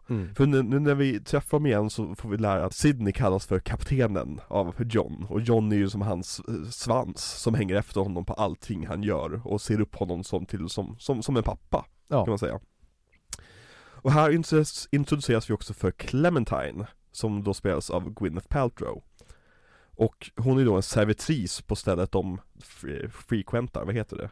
Eh, Stammis på Ja, och den första har också någonting som, ehm, här är någonting som utger sig för att vara någonting Mm. som det sen visar sig att det inte är. Ja, För att första känslan och bilden vi får av henne, mm. det är att det här är en brud som har full koll på läget. Hon Ja. är liksom rapp och har glimten i ögat och vet om hennes styrkor och hur vacker hon är. precis Och sen får vi se den otroliga mörka sidan av henne eh, strax efter. Exakt Men jag vet inte vad det är och jag tycker det är synd att Gwyneth Paltrow inte kanske fick den karriären hon förtjänade. ja. Eller så är det just att jag gillar att hon inte blev, blev kanske överexponerad. Idag är hon ju Pepper Potts. Men hon har också varit med i riktigt, riktigt bra filmer. Men jävlar, det finns få kvinnliga skådisar, då skulle jag säga få skådisar generellt för att kvinnliga skådisar är oftast mycket mer varma än män. Men det är få skådisar som är så varma som hon är. Ja, Alltså hon är, det känns som att det här är den mysigaste människan i hela världen. När hon är på det humöret. Ja Hon men när, precis, när, precis, och det är Pepper Potts liksom, hela vad Pepper Potts Ja. är i Marvel-filmerna, att gud vad hon är god. Ja men hon är som, hon, okej det här kommer lå, kanske låta lite konstigt men hon är liksom den perfekta frun, inom Ja. citationstecken så att säga, för, för en filmkaraktär att vara. I det att hon, hon oftast, hon är lite bitande i det att hon ger skit tillbaka hela tiden. Men hon, hon är alltid på din sida, lite grann. Mm. Ja men hon lyckas pull it off att hon är både vacker och kompetent. Ja, Hon skulle, det är klart hon skulle kunna spela bimbon också, ja, men hon är verkligen den här, hon, hon skulle verkligen kunna vara den här mamman som räddar den fördärvade pojken eller liksom fattiga flickan från det här dysfunktionella liksom gettot. Hon är verkligen Mm. den perfekta socialsekreteraren som bryr sig. Precis, den här som exakt. räddar någon från det hemska. Mm. En, en annan karaktär som introduceras här, eh, i början på den nya delen av filmen, är då Jimmy, som spelas av Samuel L. Jackson. Och väldigt intressant att, återigen, det här är en, en regissörs första film Ja. som görs på väldigt liten budget. Du har med Samuel fucking Jackson. Som precis har blivit en av de största skådespelarna i Hollywood. Ja, och det är så sjukt att han har liksom jobbat med Tarantino, Spielberg och det är liksom, han har varit med i Jurassic Park, han har varit med i Pulp Fiction och nu gör han den här filmen. Alltså det är också, jag älskar när, och det kanske finns en jättelogisk förklaring Mm. till det här att han kanske signade upp ett visst tillfälle och inte visste en bla bla bla. Men att han bara är med i det här Ja. är så jäkla älskvärt. Och det är också en, vi kan prata om hans karriär lite grann också, men just Samuel Jacksons kar- karriär. Alltså han höll ju verkligen, eller han var ju Liam Neeson ett tag. Att Mm. han, hade, han var en respekterad, riktigt bra skådespelare. Och sen gjorde han shit movies, alltså för att typ nämna bara en, Snakes on a plane. Ja. Och sen så var det som att, jag vet inte om det är Marvel, men jag tänker ju på Marvel som egentligen respektåteringivaren i hans kar- Vilket är karriär. så märkligt att säga nu så här 20 år senare Jätte, med Marvel, att, att Marvel kan sätta folks karriärer tillbaka på kartan. Helt sjukt. Som Robert Downey Jr. Men det är Ja. också en karaktär, eh, skådespelare vi kommer prata mer om i framtiden. Ja, och det är väl någonting vi också kommer komma tillbaka till när vi pratar Marvel någon gång. Det är just det här att Marvel, bara för att lämna det också, att Marvel är ju, det är ju bara ett, ett, ett undantag. Mm. Det är, det är ingen liksom regel att Nej. säga så här, ja men det kanske är på grund av att Marvel är världens största franchise. Nej, för de, väldigt många franchises kan mörda karriärer.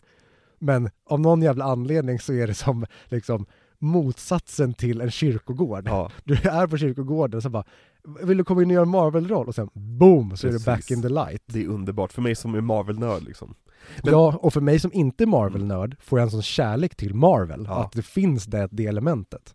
Men Jimmy introduceras i alla fall, och han säger att han, han jobbar på ett kasino i Vegas. Mhm. Och då tänker jag, aha, så det här är en heistfilm alltså? Okej, ja men nu, nu är jag med på vilken film det här kommer vara. Nu är jag med på vilken film det här kommer vara. Men Jimmy gör inget bra intryck på, eh, på Sydney. Eh, Sydney är väldigt misstänksam mot Jimmy, och Jimmy är väldigt, eh, väldigt, vad ska jag säga, burdus personlighet. Han svär och han, han kallar kvinnor för horor och så vidare. Och Sydney Ja. tycker inte om Jimmy alls. Och jag älskar att Sydney, alltså inte pays a fuck till honom, utan Nej. att han direkt bara så här pratar, nästan är otrevlig, fast Ja. ändå inte otrevlig, utan det är mer som att du, du, jag bryr mig inte ett skit om dig Jimmy. Mm. och Jimmy fortsätter vara sin karaktär. Så det är verkligen två olika pullare som drar i John där. Precis, exakt. Och det är, återigen, som med alla bra filmer som har få karaktärer, att varje gång en ny karaktär introduceras, så introduceras ett ny, en ny vä- väg för filmen att ta. Det är inte bara en karaktär som dyker upp, utan det här är en plotline som dyker upp. Karaktärerna får välja att ta den, eller inte ta den, men här finns valet. Mm. Men eh, Jimmy säger till Sidney att, ja men eh, du kan ringa mig om du behöver någonting någon gång. Liksom, det är, linan är öppen för dig helt enkelt. Och sen har vi egentligen att, att S- Sydney bekantar sig mer med Clementine när han ser att hon har mycket problem med gästerna på restaurangen, Mm. eh, på baren. Eh, hennes chef säger till henne att hon inte riktigt får säga nej när de håller på att tafsa på henne eller ge henne olämpliga komplimanger och så vidare. Men allt hon vill ju bara klippa till dem och springa därifrån. Mm. Men såklart, eftersom Sydney är en slags fadlig figur i den här filmen Så bjuder han då Clementine på en cigg och en kaffe Ja. Vilket är en så härligt återkommande tema till Jag ser det lite grann som en referens till um, att bli döpt Som uh, i, i bibeln. Att Jesus kommer och gör den här ritualen med dig och nu kan du påbörja ett nytt liv. Mm. Och istället för en smörjelse med olja eller någonting Så är det en cigg och en kaffe. Som, för, återigen, för mig som älskar rökning i film, det är verkligen Det är mumma, varje gång de, de nämner cigaretten och kaffe så blir jag så ah, okej nu är vi hemma igen här nu Ja, men skitbra, det är verkligen som att det här är Las Vegas Jesus. ja men precis, precis Han åker runt och liksom, du, du kan du, lägg ditt förflutna bakom dig, nu har vi blank slate, nu startar vi någonting nytt här. Ja, Och det gör vi med, inte the baptician, utan nu blir det, här är en cigg och en kaffe. exakt Och de sitter ju då och pratar lite grann om, om, om John och hans relation med Sydney Mm. Och Clementine kommenterar på att Men John försöker ju efterapa dig Mm. Han klär sig som dig, han går som dig, han pratar som dig Han, han vill ju vara som dig Och jag vi kan gå lite djupare på Gwyneth Paltrows karriär, om, eller vill, vill vi göra det? Har vi, vi har redan pratat lite grann om henne Ja, det, alltså det är väl i så fall, för jag tycker just det att hon, hon, det, hon, det känns nästan som att hon Liksom, hon, hon blev förknippad med skådespelerskor som Todd och Cameron Diaz. Hon, Ja. Cameron Diaz gjorde ju lite liknande samma grej. Ja, Hon var ju också med i creddiga filmer mm. och sen blev det som att hon blev typ nästan såhär Kate, Kate Hudson eh, karaktären. ja, Som gjorde en typ romcoms med eh, en annan eh, rolig eller snygg man. precis Det känns som att det var det hennes karriär blev sen. Men när jag tänker på Gwyneth Paltrow då tänker jag ju på eh, framförallt Talent Mr Ripley. Det var ju precis det jag skulle komma, det är nog min favoritfilm med henne Men hon har varit med i så jävla många bra filmer också, hon var med i Seven Ja, just det. eh, ja, den här filmen, Sliding Doors var ju hennes stora break Okej, den har inte jag sett. Det var ju, den var ju, stod i alla 40-åriga kvinnors eh, bokhyllor. Men är det därifrån Sliding Doors moment Ja kommer? precis, Ah, exakt. okej. I det att hon, om hon hade hunnit med tunnelbanan så har hon ett liv Men om hon missade tunnelbanan så har hon ett annat liv Ja, okej. Vilket är en väldigt intressant och eh, kul film i det Ja, alltså butterfly effect eh, är ju ofta roliga. Ja, Eh, problemet är om man då bara tar filmen The Butterfly Effect, det är ju att det Mm. ofta utförs bedrövligt för att man tänker att det här räcker. exakt Istället för att okej nu har vi en intressant idé, då måste vi se till att göra resten bra också. Precis Och sen så var hon ju med i Shakespeare in Love Den vann väl en Oscar för bästa film? Ja, jo, det, Det är ju det är en. Harvey Weinstein eh, så han, Just han pushade det. igenom det som satan Med Joseph Fiennes va? Ja precis, exakt Ehm, Och sen Talented Mr Ripley såklart eh, Royal Tenenbaums är hon underbar i eh, Austin Powers är hon ju med som en eh, cameo Och där, det, det är så här, där, där är väl någonting, även fast eh, Austin Powers är kul, mm. det är så här, där kanske det är någonting som börjar skava lite grann. Ja, hon hör ju inte riktigt hemma i den, den världen så att säga, men det är väl också lite grann det som är skämtet. Men sen så har hon ju, vad ska jag säga, en, en tommare period i sin karriär. Men då sagt, då kommer Marvel in och bara 'Tja, vill du vara Pepper Potts i första Iron Man-filmen?' Och sen drar ju hela den biten igång och hon är ju med Hon var ju praktiskt taget utskriven ur franchisen.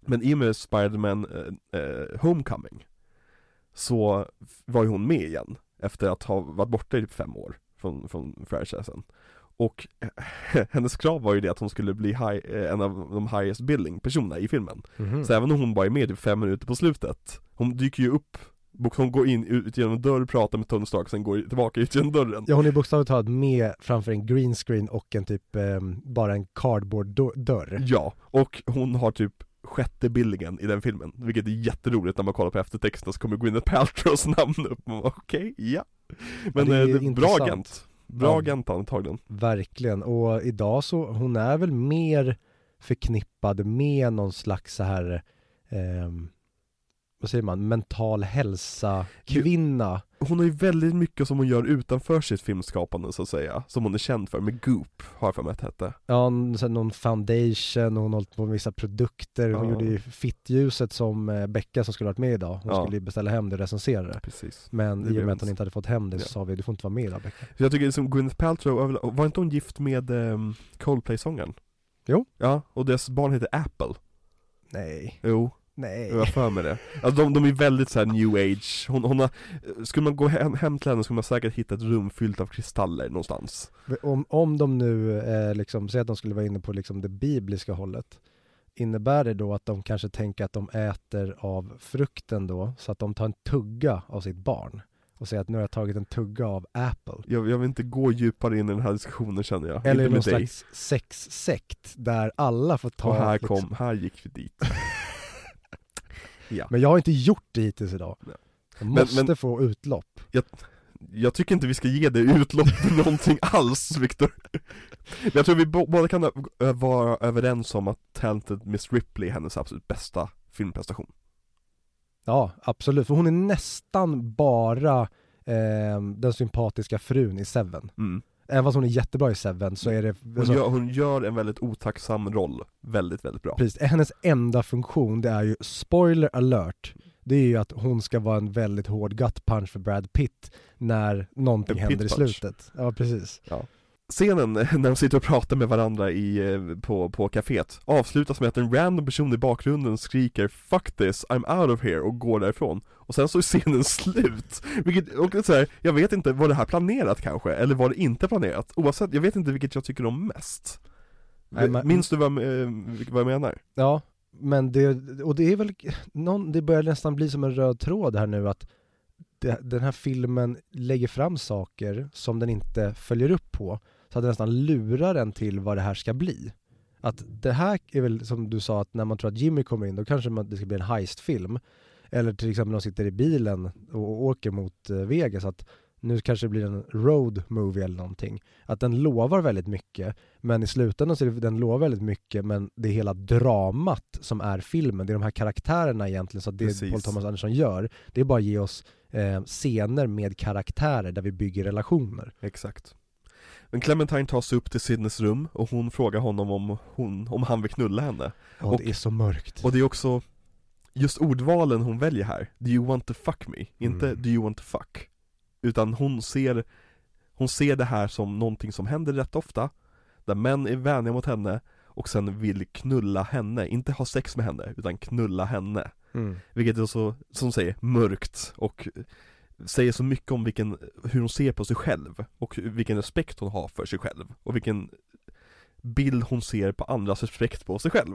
Ja, alltså där raser, hela den bilden vi har byggt upp, eller byggt upp i den scenen i kaféet, Ja, där kanske finns en stark kvinna här, den faller ju bara rakt ner i toaletten. ja. Och därför gör, blir det verkligen en gut punch och man bara nej, söta, fina, rara, härliga människa. Vad är du för en tragisk figur? Ja precis, en trasig figur snarare Ja. Men Sydney är ju då världens bästa person och typ skäller ut henne för det här och typ Du förtjänar så mycket bättre Än vad det du utsätter dig själv för. Eh, Och sen så är det massvis av scener när folk sitter och röker igen. De sitter och röker i sängen, de sitter och röker på kaféet och, sitter, och jag blir bara så kär i det här Stämningen av en tänd cigarett i ett rum med bra belysning. Varför får inte Ron Perlman vara med i den här filmen? Ja precis, jag kan sitta och tugga på en cigarr i något hörn. Ja. Ehm, och här så börjar jag tänka, när de två sitter i sängen, han, hon och John sitter och pratar, Mm. typ, måste vara, inte dagen efter men några dagar efter ja, det är lite oklart. Ja, den, den har väldigt mycket hoppa framåt i tiden med klippning utan att berätta det Och, att berätta det med Ja. titelkort och grejer Det är väl också då om man, som vi sa, att det handlar om en massa gratis eh, möjligheter Ja. med istället för att göra ett tvåårshopp. mm. Att här respekterar han ju tittaren igen Mm. genom att han behöver inte berätta varje gång vi hoppar utan Nej. nu blir det lite mer oklart men de är ändå tillsammans i den här eh, miljön. Ja men du är förvirrad i två sekunder tills du inser att, jaha okej så de har blivit bättre vänner Mm. Det är allt du behöver eh, tänka Ja, Och det, har det kan ha gått en vecka, det kan ha gått tre månader. Ja precis, exakt Det är inte viktigt. Men det jag tänkte då i alla fall när jag ser dem sitta i sängen och röka tillsammans Det är ju att det är såhär, aha, aha okej så här, kommer- det här kommer vara en kärleksfilm alltså Mm. Nu vet jag vilken film det här kommer vara Men sen kommer en scen som Jag vet inte om du, jag var, när jag såg den här filmen tänkte jag åh det här kommer Victor ha svårt för Men vem vet? Sidney går nämligen ner till ett kasino där han blir tantad, vad heter det på svenska? Han blir äggad av Philip Seymour Hoffman att satsa alldeles för mycket pengar på ett tärningslag och förlorar alltihopa. Vad tycker du om den här scenen Viktor? Jag tycker det kanske är filmens bästa scen. Och det är, Vad glad jag blir att du säger det! det är bara på grund av Philip Seymour Hoffman. Dels att det är ett what the fuck är han med? Mm. Och att Philip Seymour Hoffman, precis som vi kommer att prata om i Boogie Nights, alltså den karn stjäl the show Ja. varje gång han är i rummet. Men, men du, du ser också hur min oro är lite befogad, att det är också en scen som skulle kunna fallit helt platt för dig I och med att han är så intensiv och in your face med liksom, eh, han, hans tantande och liksom upprepa samma ord om och om igen, om och om igen, om och om igen och så vidare Mm, ja, ja, jo, i en annan kontext, men jag tror att det är just för att han är så jävla rakt in i kaklet här, att det hade varit en grej om det här kanske var en av karaktärerna som skulle vara med i filmen, Ja. och han är så här rakt igenom, då tror jag jag hade tröttnat på honom direkt. Ja, men bara, men låt, fuck, bara dra, du är så jävla jobbig. Men att han bara kommer in, stjäl showen i en scen, och sen är han inte med mer, det skapar ett sånt otroligt mycket högre värde för hela den scenen.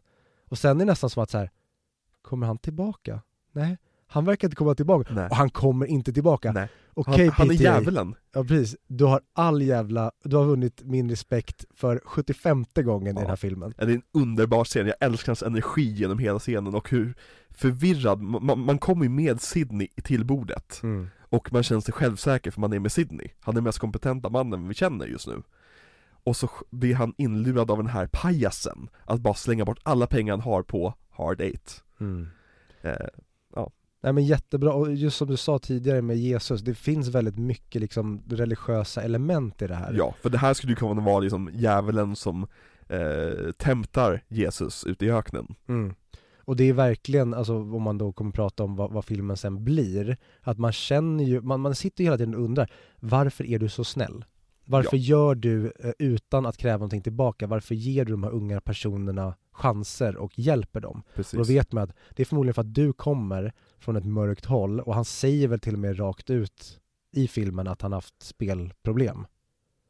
Spelproblem tror jag nog inte han sa någonting om Jag för mig att han säger, det kan jag minnas fel, men jag för mig att han på något sätt förklarar att han har liksom varit en person som varit dålig, en dålig gambler och spelat bort saker. Ja Nu är det tyvärr över en månad sedan jag såg den här filmen. Eh, Ja, men det, det jag minns bara med hans, vi kommer komma till det senare, men han har ju varit som en mob enforcer Mm. Men jag trodde att det var att, för att, och det kanske var bara mina egna projections, att han på något sätt ville styra John rätt för att han själv hade varit John. Ja, Men sen så får vi reda på, ja som du säger, att han har varit liksom en, en hitman Ja. i princip. Och det kommer jag även komma in på sen när jag kommer till min kritik till filmen, just den grejen.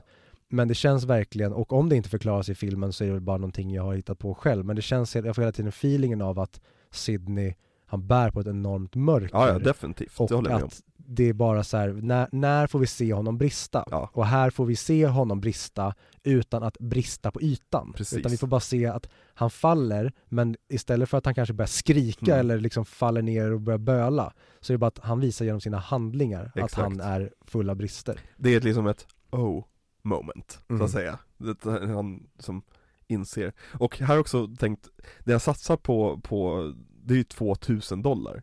Vi har hela tiden, jag vet inte om det är någonting i filmen, men att vi får summor kastade på oss hela tiden. Olika summor, att ja men du får 50 spänn om du hänger med, jag behöver 6000 till, till begravningen, jag lånar dig 150 dollar, du, eh, du satsar 7 7000 dollar, jag behöver så här mycket pengar. Det, det är hela tiden här eh, vad ska man säga, den magiska summan som kommer lösa alla problemen.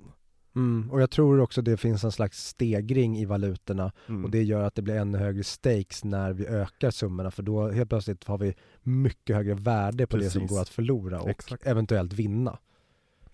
Efter det här så, så har Sidney då fått ett samtal av John att komma till ett hotell. Och när Sidney kommer fram till hotellet så eh, vill John inte öppna dörren.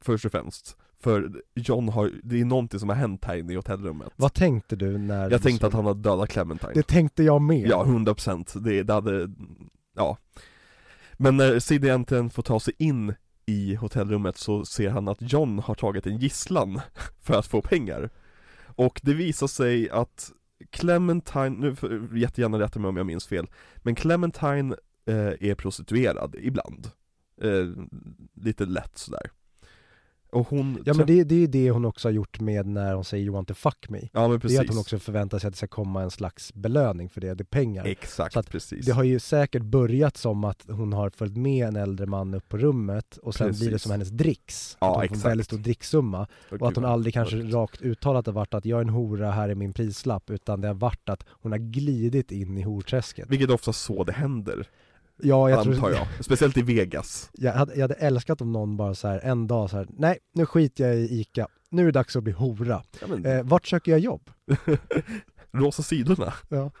Eh, nej men eh, hon, hon har då eh, sålt sig till en man och gått med till, till eh, hans hotellrum Men han vägrade betala henne Mm. Så hon och John C. Reilly, John som han heter Hennes pimp nu då? Ja precis, har alltså ta, eh, slagit honom blodig så han ligger helt medvetslös på sängen eh, Han ser ju typ död ut på den här sängen Mm. eh, Och de har tagit honom, honom som gisslan och har varit så dumma som till och med ringt mannens fru och bett om pengarna eh, Men Sidney kommer in här och ska liksom, vad ska man säga Defusera situationen. Och här tänkte jag, aha, jag vet vilken film det här är. Det här är en Coen Brothers film. För det är verkligen det här som de normala människorna som hamnar i en väldigt onormal situation Mm. måste lösa det. Men han, här får man reda på väldigt mycket saker, till exempel John och Clementine har gift sig eh, Men Sidney säger till John att försvinn, lämna allting Det är som, eh, hon är inte värt det här problemet för dig just Mm. nu. Och det här problemet är inte värt pengarna du skulle kunna få för lösningen från, från det. Men John vägrar att, att försvinna för Clementine vill stanna och få sina pengar.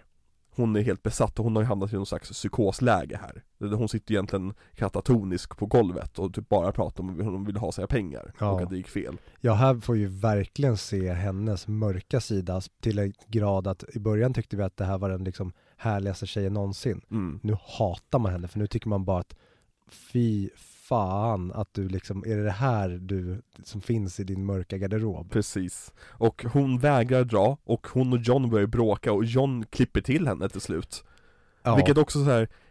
äh, Okej, det är svårt att säga åh jag älskar det efter en senare tjej blir slagen Men jag älskar just att John får vara en otroligt problematisk karaktär Han är ingen guldpojke som, som vi kommer känna att åh han är en bra man i Mm. slutet Utan han är en fucking fegis Han han är kvinnomisshandlare, han är som Han vägrar ta ansvar för sina egna handlingar hela tiden Och det är det jag älskar med den karaktären, att det finns Han är så mänsklig ja, för det hade varit så mycket sämre om han inte hade pucklat på henne Mm.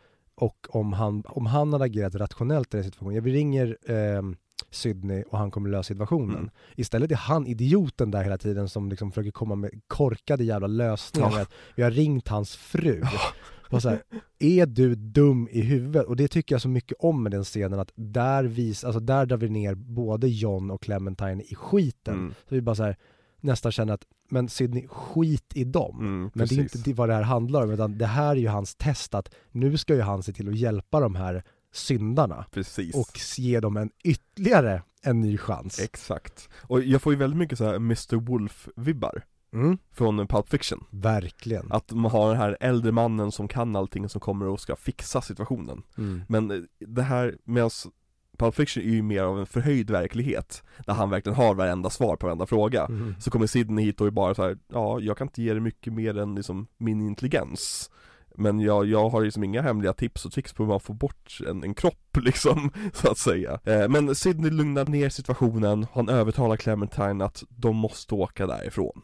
Det är liksom, det finns ingen, alltså polisen kommer komma hit när som helst. Och det går ju inte liksom från nej till ja på en sekund, Nej, utan- men det är skönt att det inte går mer problematiskt, att det kanske, de kanske fuckar upp ytterligare ett steg på vägen. För Exakt det tänkte jag direkt när de lämnar därifrån och sen när de till och med bara står och ska säga hejdå till varandra. Mm. Bara, åk, åk, åk, för snart kommer polisen. Mm. Och det är så skönt att det inte är den filmen heller, där det på något sätt blir en jakt efter dem. Exakt Utan sen, då blir det ju Jimmy som kommer tillbaka och blir problemet. Precis, för att när de försöker gå från hotellet så ringer ju telefonen Och Mm. de enda som vet att de är där är Jimmy Men jag har alltid undrat, eller alltid undrat, jag har sett den här filmen för en månad sedan eh, Vad, sin, vad är grejen med telefonen?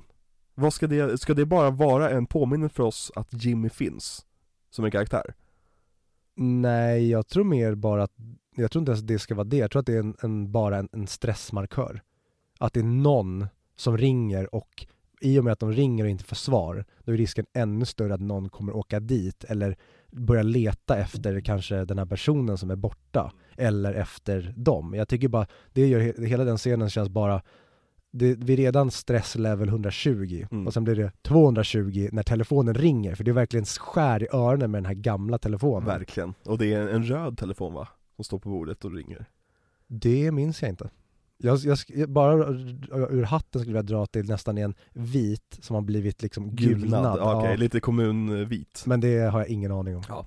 Men John och Clementine flyr iväg mot Niagarafallen Mm. Efter mycket om och men från John. Han vill inte åka till Niagarafallen. Han kan åka till många andra ställen men han verkar ha någonting emot just Niagarafallen. Ja, återigen visar idioten Ja. John, alltså att han bara säger du är ju en jävla apa. Ja. Du är ju dum i huvudet. Ja, men han försöker liksom argumentera sig ur situationen på ett sätt. Ja. Han har inga argument för det han försöker säga. Utan han, han har bara, och man känner igen sig själv, man har själv varit i den situationen. Någon har Mhm. föreslagit någonting för en.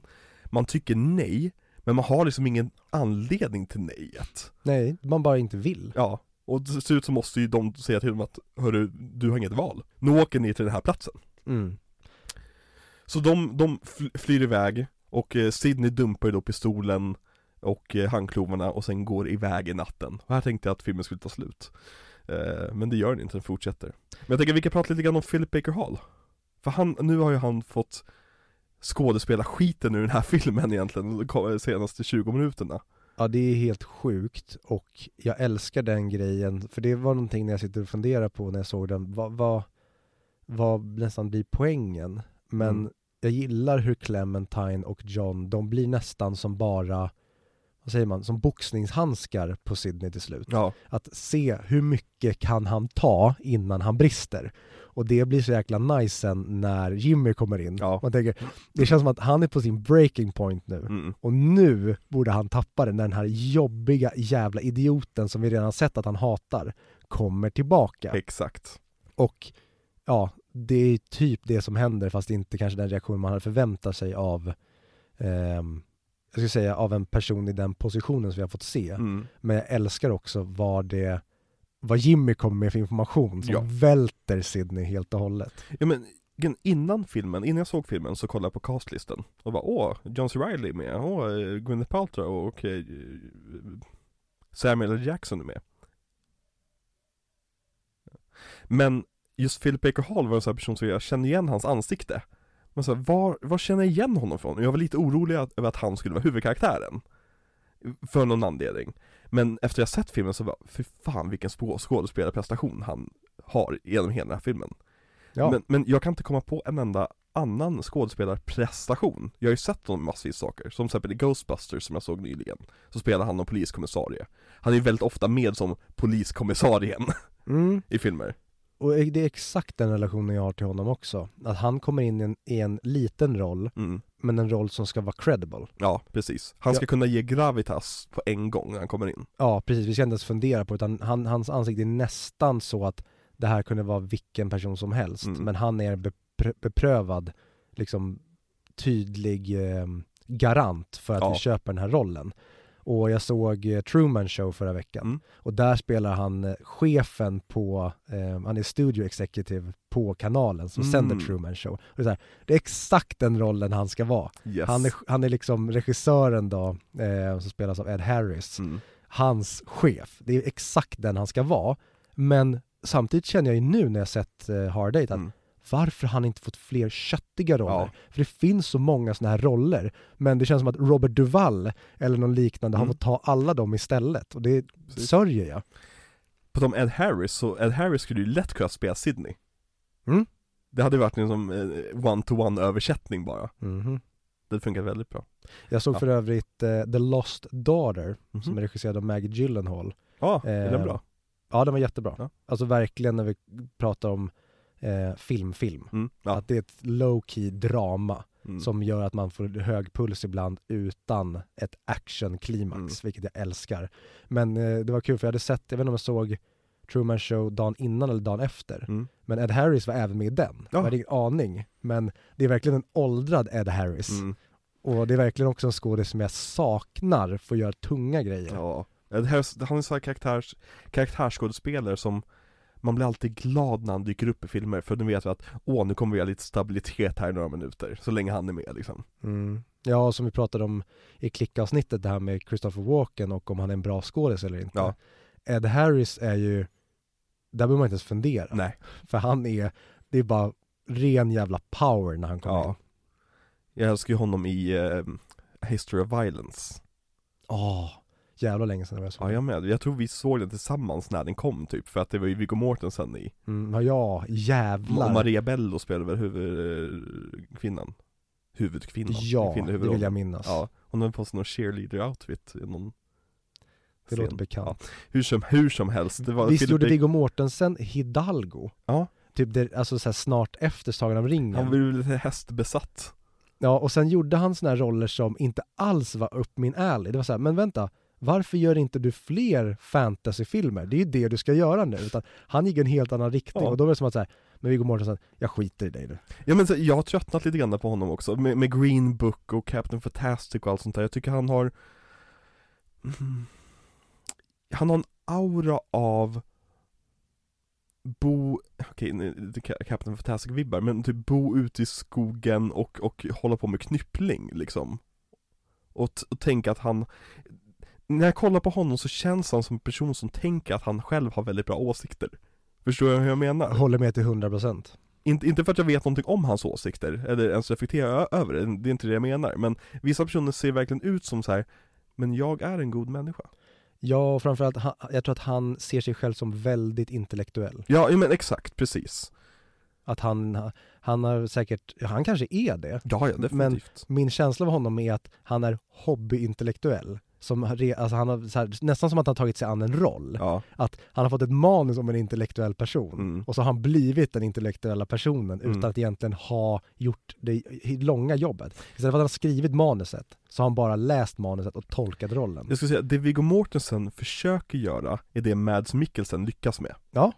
Rent personlighetsmässigt. Nu kanske inte de, det är kanske jätterandom diskussion om, om, om Viggo Mortensen. Nu men, är det racist mot danskar också. Ja men det är väl lite grann av det. Men, eh, ja, Men jag vill säga det att jag älskar att Viggo Mortensen tog den vägen i sin karriär. Mm. För jag tycker om de allra flesta filmer han har gjort. Alltså ta Mm. History of Violence, vad heter den? A Dangerous Method, mm. eh, The Road. Alltså han har gjort väldigt Eastern många. Promises har inte jag sett dock, men den skulle jag jättegärna vilja se någon dag Den påminner ju mycket, för jag har också för mig att det är också Cronenberg. mm. Att den påminner mycket om History of Violence. Att det är någonting liknande. Jag har för mig att Cronenberg gör båda dem. Jag kan ha fel, men jag vill Mm. minnas att han var med i båda dem. Ja, det, det ringer någon, någon klocka Men är det. Cronenberg som också gör A Dangerous Method? Nej det tror jag inte Jag tror eventuellt att det kan vara det. Ja. Skitsamma. Men jag, jag gillar även Green Book och det han gör i Green Book väldigt mycket. Och jag gillar Captain Fantastic heter han Mm. va? Eh, men jag är glad om han nu kan ta andra steg. Han, han är en, jag hade verkligen älskat att se honom i en Marvel-film. Ja, ja men precis, i en skurkroll kanske Ja, hundra procent. Och det är nästan svårt när han har gjort så mycket skurkroller, liksom ehm, tveksammare personer. Ja. Och så här, han var ju den pure fucking heron i Sagan om ringen. Fast det som var intressant med Aragorn var just att han inte var the pure hero på många sätt Han hade ju, han var ju smutsig, både liksom fysiskt och psykiskt Ja säga. men hans hjärta var, vad säger man, han, han, han klev aldrig fel i, när han ställdes inför tester. Moralen var aldrig fel Men Precis. däremot så känns ju han som person skulle kunna hugga ner en person på, på, på puben för att eh, han var skyldig honom pengar är så. det varför Aragorn funkade så bra? Att Ja. man hela tiden visste att han hade Beast precis bakom liksom pannbenet. Det är ju det Han är Strider, det är så vi introduceras för honom Åh. Ja vi måste prata om Sagan ringen någon dag Men om eh, ni, vad säger jag, om ni mot all förmodan skulle jag säga, om ni skulle vilja höra oss prata om Sagan om ringen så finns det ju eh, tre Sagan om ringen avsnitt för 100 mick där du är med i. Ja, men det är ju såhär pytte pytte avsnitt på typ så en och en halv timme per film bara det, det, normala podcast. Ja men vi vill inte vara normala här vi, vi, Hur länge har vi pratat om den här filmen liksom? Vi pratar om, jag, tror att, jag tror att vi, vi är nog världsrekordet på längsta podcastavsnittet om Hard Date Frågan är om det finns podcastavsnitt om Hard Date. Exakt Men Sidney möter i alla fall upp Jimmy då i en Tarantino-film. Eh, Tarantino-Jimmy berättar för honom att killen som blev överfallen överlevde och han går runt som att inget har hänt. Vilket är så perfekt, för det är typ det som skulle hända om en torsk hade råkat bli överfallen. Ja, det är Paolo Roberto fast utan att han åkte fast. Ja, han bara precis, går hem till exakt. familjen och. Men jag tycker just att, att, att det känns verkligen som att Jimmy, att, att- att Samuel L. Jackson kommer direkt från Tarantino-inspelning känns som. 100% Han, som har den här rappa dialogen, mycket referenser till saker och ting och liksom eh, hela tiden den här utmanande pusha plotten framåt. mm. Medan Sidney har hela tiden försökt liksom hantera plotten. Är det, det verkligen känns som att Sydney, det är Paul Thomas Anderson, Mm. han möter Tarantino Ja precis, och vill inte ta del av det här Ja, liksom. precis, det är som att han tvingar sig själv till att säga, okej vad händer om jag stoppar in Tarantino i min film Mm. och gör allt för att få bort Tarantino i min Ja film? men typ, ja, men det är väl lite grann så. Men Samuel L. Jackson har ju haft en väldigt, väldigt intressant karriär. Mhm. En väldigt, väldigt intressant karriär. Han är ju med i Star Wars, han är med i Marvel, han är med i Jurassic Park. Ja, alltså ett, ett tag kändes det som att han var med i allt, Ja. och ett tag så var det som att, ja men han är med i allt, och det är liksom hit and miss. Mm. Och sen blev det, du är bara med i alla missar. Mm. Och att det blev verkligen, som jag sa tidigare, det känns som att han blev liksom Liam Neeson-pastischen. Ja, men han har ju åldrats in i någon slags som elder statesman-roller nu. Att han får sitta ner och vara liksom den här personen säger åt ungtupparna att hålla käften och sitta ner, Mm. lite grann. Men jag tycker Samuel L. Jackson, när han introducerades, eller introducerades, han har ju varit med i tidigare filmer, men Pulp Fiction är ju sånt jävla calling card för honom. Varenda scen han är med i är ju elektricitet. Ja, alltså om man ska välja någonting från den, jag, jag älskar ju delarna med, um, vad heter han, Vegas? Vad fan heter Vince, han? Vince Vega, heter han väl? vill jag minnas, och eh, Mia. Men scenerna med Vince Vega och, eh, nu vet jag inte ens vad Samuel Jacksons karaktär heter. Och gud vad jag har det på tungan. Jag, jag, jag tänkte säga Marcellus Wallace, men det hade varit Men jag vill säga rasistiskt. Lucius, men det är inte där. Jules. Jules, så, så var det. Eh, deras scener, alltså bara scenerna de ska, innan de ska in och ta väskan. Ah, Och där känner jag, jag hatar mig själv för att jag vet att det är Tarantino-porr och han sitter och runkar av sig själv när Mm. han bara, gud vad jag är bra på att skriva dialog. ja. Men den scenen är porr. Ja men han får runka av sig själv i- det här skedet i sin karriär, Tarantino. Alltså, och jag känner nästan idag, eh, när, jag kände helt annorlunda innan eh, Once upon a time in Hollywood. Mm. Men med Once upon, Once upon a time in Hollywood, då känner jag att Tarantino, du får runka över alla tider, hela tiden. Jag är Ja. bara glad att du har funnits i vår värld. precis. Men en roll som jag alltid glömmer bort att Samuel L. Jackson är med i, det är ju Goodfellas. Är han? Ja, han spelar ju han, eh, den enda svarta killen i hela filmen. som typ sjabblar bort eh, heisten i och med att han börjar prata om den efter den är färdig, Lufthansa-heisten. Han är, han är den första som blir dödad. Och jävlar, jag såg den här i, okej nu är det typ ett år sedan, men jag minns 0% av det här. Okej. Ja, nej men han, han heter Stax Edwards. Har han varit med i någon annan Scorsese-film? Eh, ja, det har han väl. Jag tror det. Generellt känns det som att Scorsese aldrig har med svarta personer i sina filmer. Har du sett Taxi Driver? Ja, Och hur han pratar om svarta personer i den filmen? ja. Kanske därför. Så Martin Scorsese är rasist? ja, eh, se Taxi Driver allihopa. Det är en väldigt underhållande scen där Scorsese är en eh, kund som hoppar in i taxin. Eh, men eh, Samuel. Jackson har ju, han är ju så här skådespelare som har följt med oss hela livet. Mm. Alltså i och med att Jurassic Park när man var liten, såg man honom. Och sen så började man upptäcka film lite grann när man såg Pulp Fiction. Där är Samuel L. Jackson med. Och sen så, Star Wars älskade vi ju, där han spelar Mace Window. Och dör i tvåan. Ja, Enligt Så- min, ja, precis. enligt min lillebror som, och jag och Alex, när Star Wars Attack of the Clones kom, så av någon anledning så skulle min tre år yngre lillebror gå och se Star Wars Episod 2 före oss, medan jag typ nästan ser mig framför att du och jag står hemma på min gräsmatta och fäktas med träpinnar. ja, Bara fäktas, fäkt, försöker slå ur oss våran pepp på Star Wars Episod 2. precis. Och så kommer min lillebror hem och vi frågar så här, ja men vad hände då? Och han säger Mace Windu dör Django Fett dödar honom. Han bränner upp honom med eldkastaren. Just det. Och så går vi och ser filmen, och det är inte alls det som händer. Nej! Och nu är det ju, vad heter det, med liksom hindsight, då var ju min brorsa mytoman. Ja. En sjuk jävla tri trivia, jag tänkte säga, en sjuk story från min eh, brors eh, unga liv. Det var när min mamma var gravid med min lilla syster Mhm. och min lillebrorsa var fyra, men han var fem, hon- ja, han var fem när min lillasyster föddes. Och min farmor ringer hem till oss och min lillebrorsa svarar. Och så frågar min farmor, hur är det med mamma då? Går allt bra med graviditeten? Och då säger han, nej, mamma ramlade i ett dike och vi vet inte hur det är med barnet. det har inte hänt. Ludvig sjuk i huvudet. Jag älskar den barnpsykopaten. Verkligen. Men tillbaka till Samuel L. Jackson då kanske. Han var ju med i typ varenda jävla lökig actionfilm som säger. Han var med i SWAT, han var med i Triple X. Spelade oftast liksom typ antingen agenten som är lite för gammal för det här, eller någons chef. Men som med Gwyneth Paltrow så fick han ett uppsving med att Marvel kom och sa Hej, vill du vara limmet i hela vårt universum? Vill du komma in i slutet på första Iron Man-filmen som vi ska göra och bryta hela jävla filmvärlden?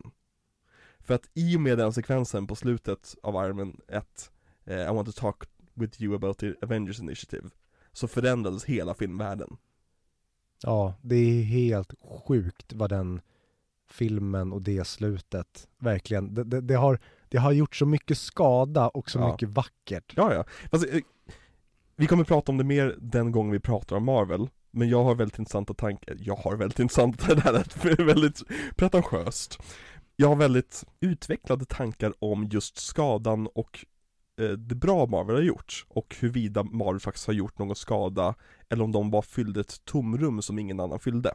Men vi kommer till Marvel längre fram. Ja, Vi släpper Marvel här. Vi kan gå vidare in i filmen egentligen, i, mot slutet. För Jimmy frågar ju då eh, Sydney om Niagarafallen. Mhm. Och liksom, det verkar som att han är lite ute efter John för någon anledning. Och han börjar hota Sydney med att han, han säger att han vet vad som hände i Atlantic Cit- City när Sydney var yngre. Att Sydney sköt Johns farsa dum, dum, dum. i ansiktet. Och då, min första tanke då, aha nu vet jag vilken film det här är. Det här är en neo-noir! Men det här hotet funkar inte så bra på Sydney, så Jimmy bestämmer sig för att hota med en pistol istället. Precis, för att han ber honom dra åt helvete och gå därifrån. Ja. Egentligen. Men Jimmy är fortfarande kvar i en Tarantino-film så han känner att dialogen inte är över. Han springer efter en pistol och kräver 10 000 dollar för att inte berätta om den här hemligheten då.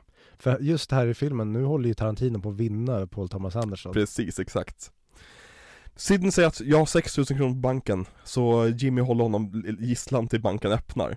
Och då har vi ett jättebra tillfälle för dem att bara sitta i ett, i ett hotellrum och prata. Mhm.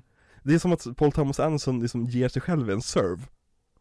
Och, och här vill jag ju bryta in, för det här Mm. tycker jag är det sämsta med filmen. Mhm. Det är ju, och det här finns säkert kanske en förklaring som gör att jag har missförstått det hela. Men jag tycker det sämsta med filmen, det är kopplingen mellan John och Sydney. Mhm. Jag tycker inte om att han gör det här för att han, för då blir det också så här, hur visste, har han följt efter honom när han sitter utanför coffeeshopen? Mm. Eller utanför kaféet? Det hade varit mycket bättre om det bara var en stray dog som han tar under sina vingar Mm. och hjälper. Precis. Jag tycker inte om att det finns då, för att använda ett kanske lite felaktigt uttryck, men lilla djungelboken. Mm. Att jag gör det här för att jag känner skuld för att jag mördade din farsa. Jag- Jag håller med dig. Det hade funkat också om John bara var en random och att hemligheten var att Sydney var en hårding förr i Det tiden. känns mer Paul Thomas Anderson om Mm. han hade varit det. Men, jag gillar också det här temat i filmer när det är, det här, du har en hemlighet om dig själv som kommer förgöra en annan människa om den kommer ut. Och du är villig att göra vad som helst för att den inte ska komma ut. Som Mm. i Oldboy till exempel. Har du sett Oldboy? Mm. Du vet, s- twisten på slutet. Ja, Att det eh, som han inte vill berätta för henne. det han- är det filmhistoriens mörkaste twist. Oldboy? Mm. Ja, det måste jag nog ändå Det är säga. i alla fall den som ger en närmast spykänsla. Ja, vi spoilar inte. På tal om Oldboy, Samuel L. Jackson är ju med i Oldboy-remaken. Är han? Han spelar fångvaktaren.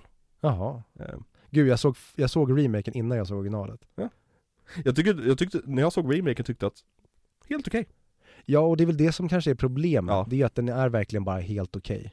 Ja, originalet är ju mästerlig. Alltså den fighting-scenen Ja, i korridoren. Och just det att man använder sig av, av en one take för att visa utmattningen hos honom och inte bara för att det är häftigt som de gör i remaken när de gör som coola tagningar i den här one-taken Mm. Utan i, i originalet är det bara att han är i en korridor, han ska slåss från plats A till plats B Ingen klippning under den tiden Ja, det, den är helt ja. fantastisk. Oldboy, jättebra, eh, kan vi rekommendera till alla Ja, alltså det, det är verkligen ett mästerverk och jag brukar lyssna på musiken från den. mm. För musiken från den får jag verkligen kalla kårar av. Ja. Även fast det inte är en skräckfilm så känns det som ett skräcktema för att jag tänker bara på vad den här filmen är Mm. och jag vill spy när jag tänker på filmen. Ja, nej men underbar Sydney, Sydney var ju då en hårding förr i tiden och dödade bland annat Johns pappa som vi nämnde och anledningen till att han varit som en far till honom är ju för att han ersätter hans pappa Han har skuldkänsla över att en pappa dog och nu tänker han ta hand om sonen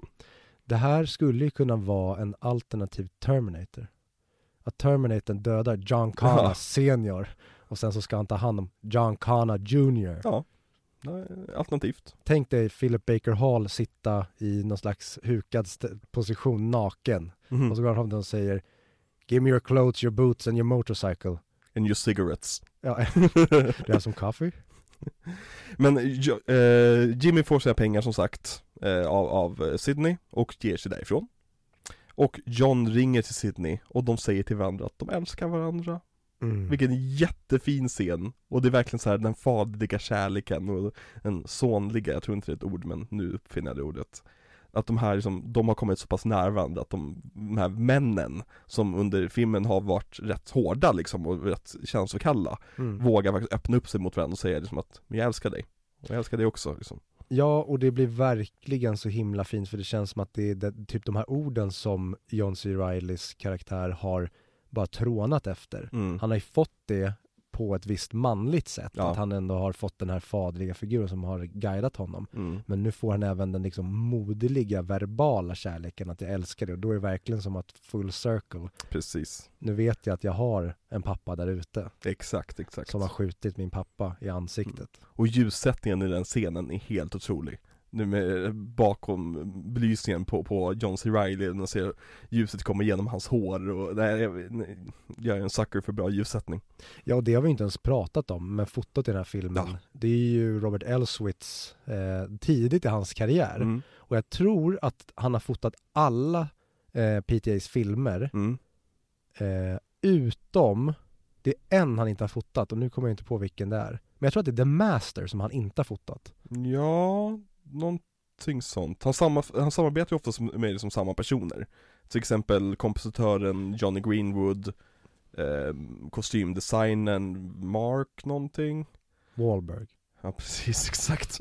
eh, och samma produ- producent Daniel Lupi och just Robert Elswit. De har ju varit med i nästan skapandet av nästan alla filmer som han har gjort. Han samarbetar ju oftast med exakt samma personer om och igen. Så ja, det stämmer ju. Och fotot här är ju helt makalöst. Ja, det, och jag, jag, jag vet inte, det är väl säkert för att vi är födda på 90-talet och uppvuxna, det kom mycket nya filmer när man liksom formades som person. Men 90-talsfoto Mm. är verkligen min favorittyp av foto. Det är svårt att beskriva det. Men när du ser 90-talsfilm så ser du direkt att det är 90-tal. Ja men det, det är, jag tror på samma sätt som med specialeffekter så är det det absoluta piken av en era. Mm. För att efter 90-talet kom ju det digitala fotot Mm. Med Attack of the Clones som var den första filmen som är fotat helt under eh, hållet digitalt Så går vi ner igen i kvalitet, för den, den är ju helt bedrövligt fotad De kunde Ja. inte ens eh, göra korrekta hudtoner på eh, karaktärerna i den filmen för att de var ovana vid formatet Det är därför eh, Padme ser ut som en eh, afroamerikan i den filmen Alltså hon har ju, för, för det hjälper ju inte att de har gjort, gett henne typ en sån afro hårstil Ja. under scenen på, på Coruscant Och lite här afrikansk stil i kläderna Ja men också. precis, men hennes hudton är ju också mörkare än vad den borde vara Mm. eh, hon, Det är nästan blackface på henne i den filmen Ja, och bara jag tänker på hur de har sminkat eh, Hayden Christensen. Också Alltså, samma sak, Det ser ut som de är inte en van, mask. ja, men de är inte vana vid digitala fotot Och här är ju som eh, Hard 80 som filmat i slutet på 35 mm eller slu, det är början på slutet kan man säga Vilket gör så att allt foto på 90-talet är ju helt otroligt Det är där Roger Deakins kommer in och som börjar svinga sin kuk runt omkring Hans stora, manliga. Välfotade kuk Ja, verkligen. Men så kul att det här är ju tidigt, eller tidigt, jag har för mig att Robert Elswit har, han har ju hållit på ett tag nu. Mm. Men det är ju här det känns som att han får göra de, börja göra de stora filmerna. Mm. Och jag älskar att han, ha- alltså att Paul Thomas Anderson håller sig med samma crew. Och en kul detalj, det är att det finns ett tema i Hard Eight som är nästan som en gong-gong. Som är nästan som dum, dum, dum. Och det temat återanvänder han i Boogie Nights i scenen när ehm, Dirk Diggler ska börja suga kuk när Jaha. han liksom hamnar på gatan. Och Jag kommer Spoiler alert. att kameran zoomar in på bilen när, jag tror att det är både eh, John C. Reillys karaktär och Dirk Diggler som Mm. sitter i bilen och de typ nästan pratar om vad de ska göra. Men är en kul detalj att det är exakt samma spår, de kanske har ändrat det lite, men det var en trivia jag läste. Att Paul Thomas Anderson, han är inte som många andra filmskapare att så här, nu har jag jobbat med den här och gjort det här, nu vill jag Mm. göra det här. Utan det är så här, ja ja, det här teamet funkar, de vet Precis. exakt vad jag behöver för att göra min vision. Och det är väl därför hans filmer är så jävla bra, antar jag. Det, det hjälper definitivt till. Man ser ju det återkommande, alltså alla de här stora, sko, stora mästerregissörerna Går man in på typ deras Wikipedia så finns det alltid en typ så här common collaborators Mm. För att de vet vilka personer de kan jobba bra med de, de, de kan sina brister antagligen, det är där skon klämmer Du måste Mm. veta vad dina brister är och hitta de som kan fylla upp dina hål Det där lät fel, men du förstår vad jag menar Mm. Jag Men- hörde bara hål och sen har jag glömt bort. Ja, vi pratar inte om barn den här veckan Jag vet inte varför vi zoomar iväg igen Vad, är- vad är det um, Dean säger när John Goodmans karaktär skäller ut honom? Han säger I forgot everything you said after För att han har sagt någonting eh, sexuellt Som har ju liksom gjort honom Gud. upphetsad Men den scenen är så jävla bra John Goodman är i, ja det är typ, en av mina favoritskämt i hela community är ju när John Goodman, han är ju president över The Air Conditioner Repair School. Ja.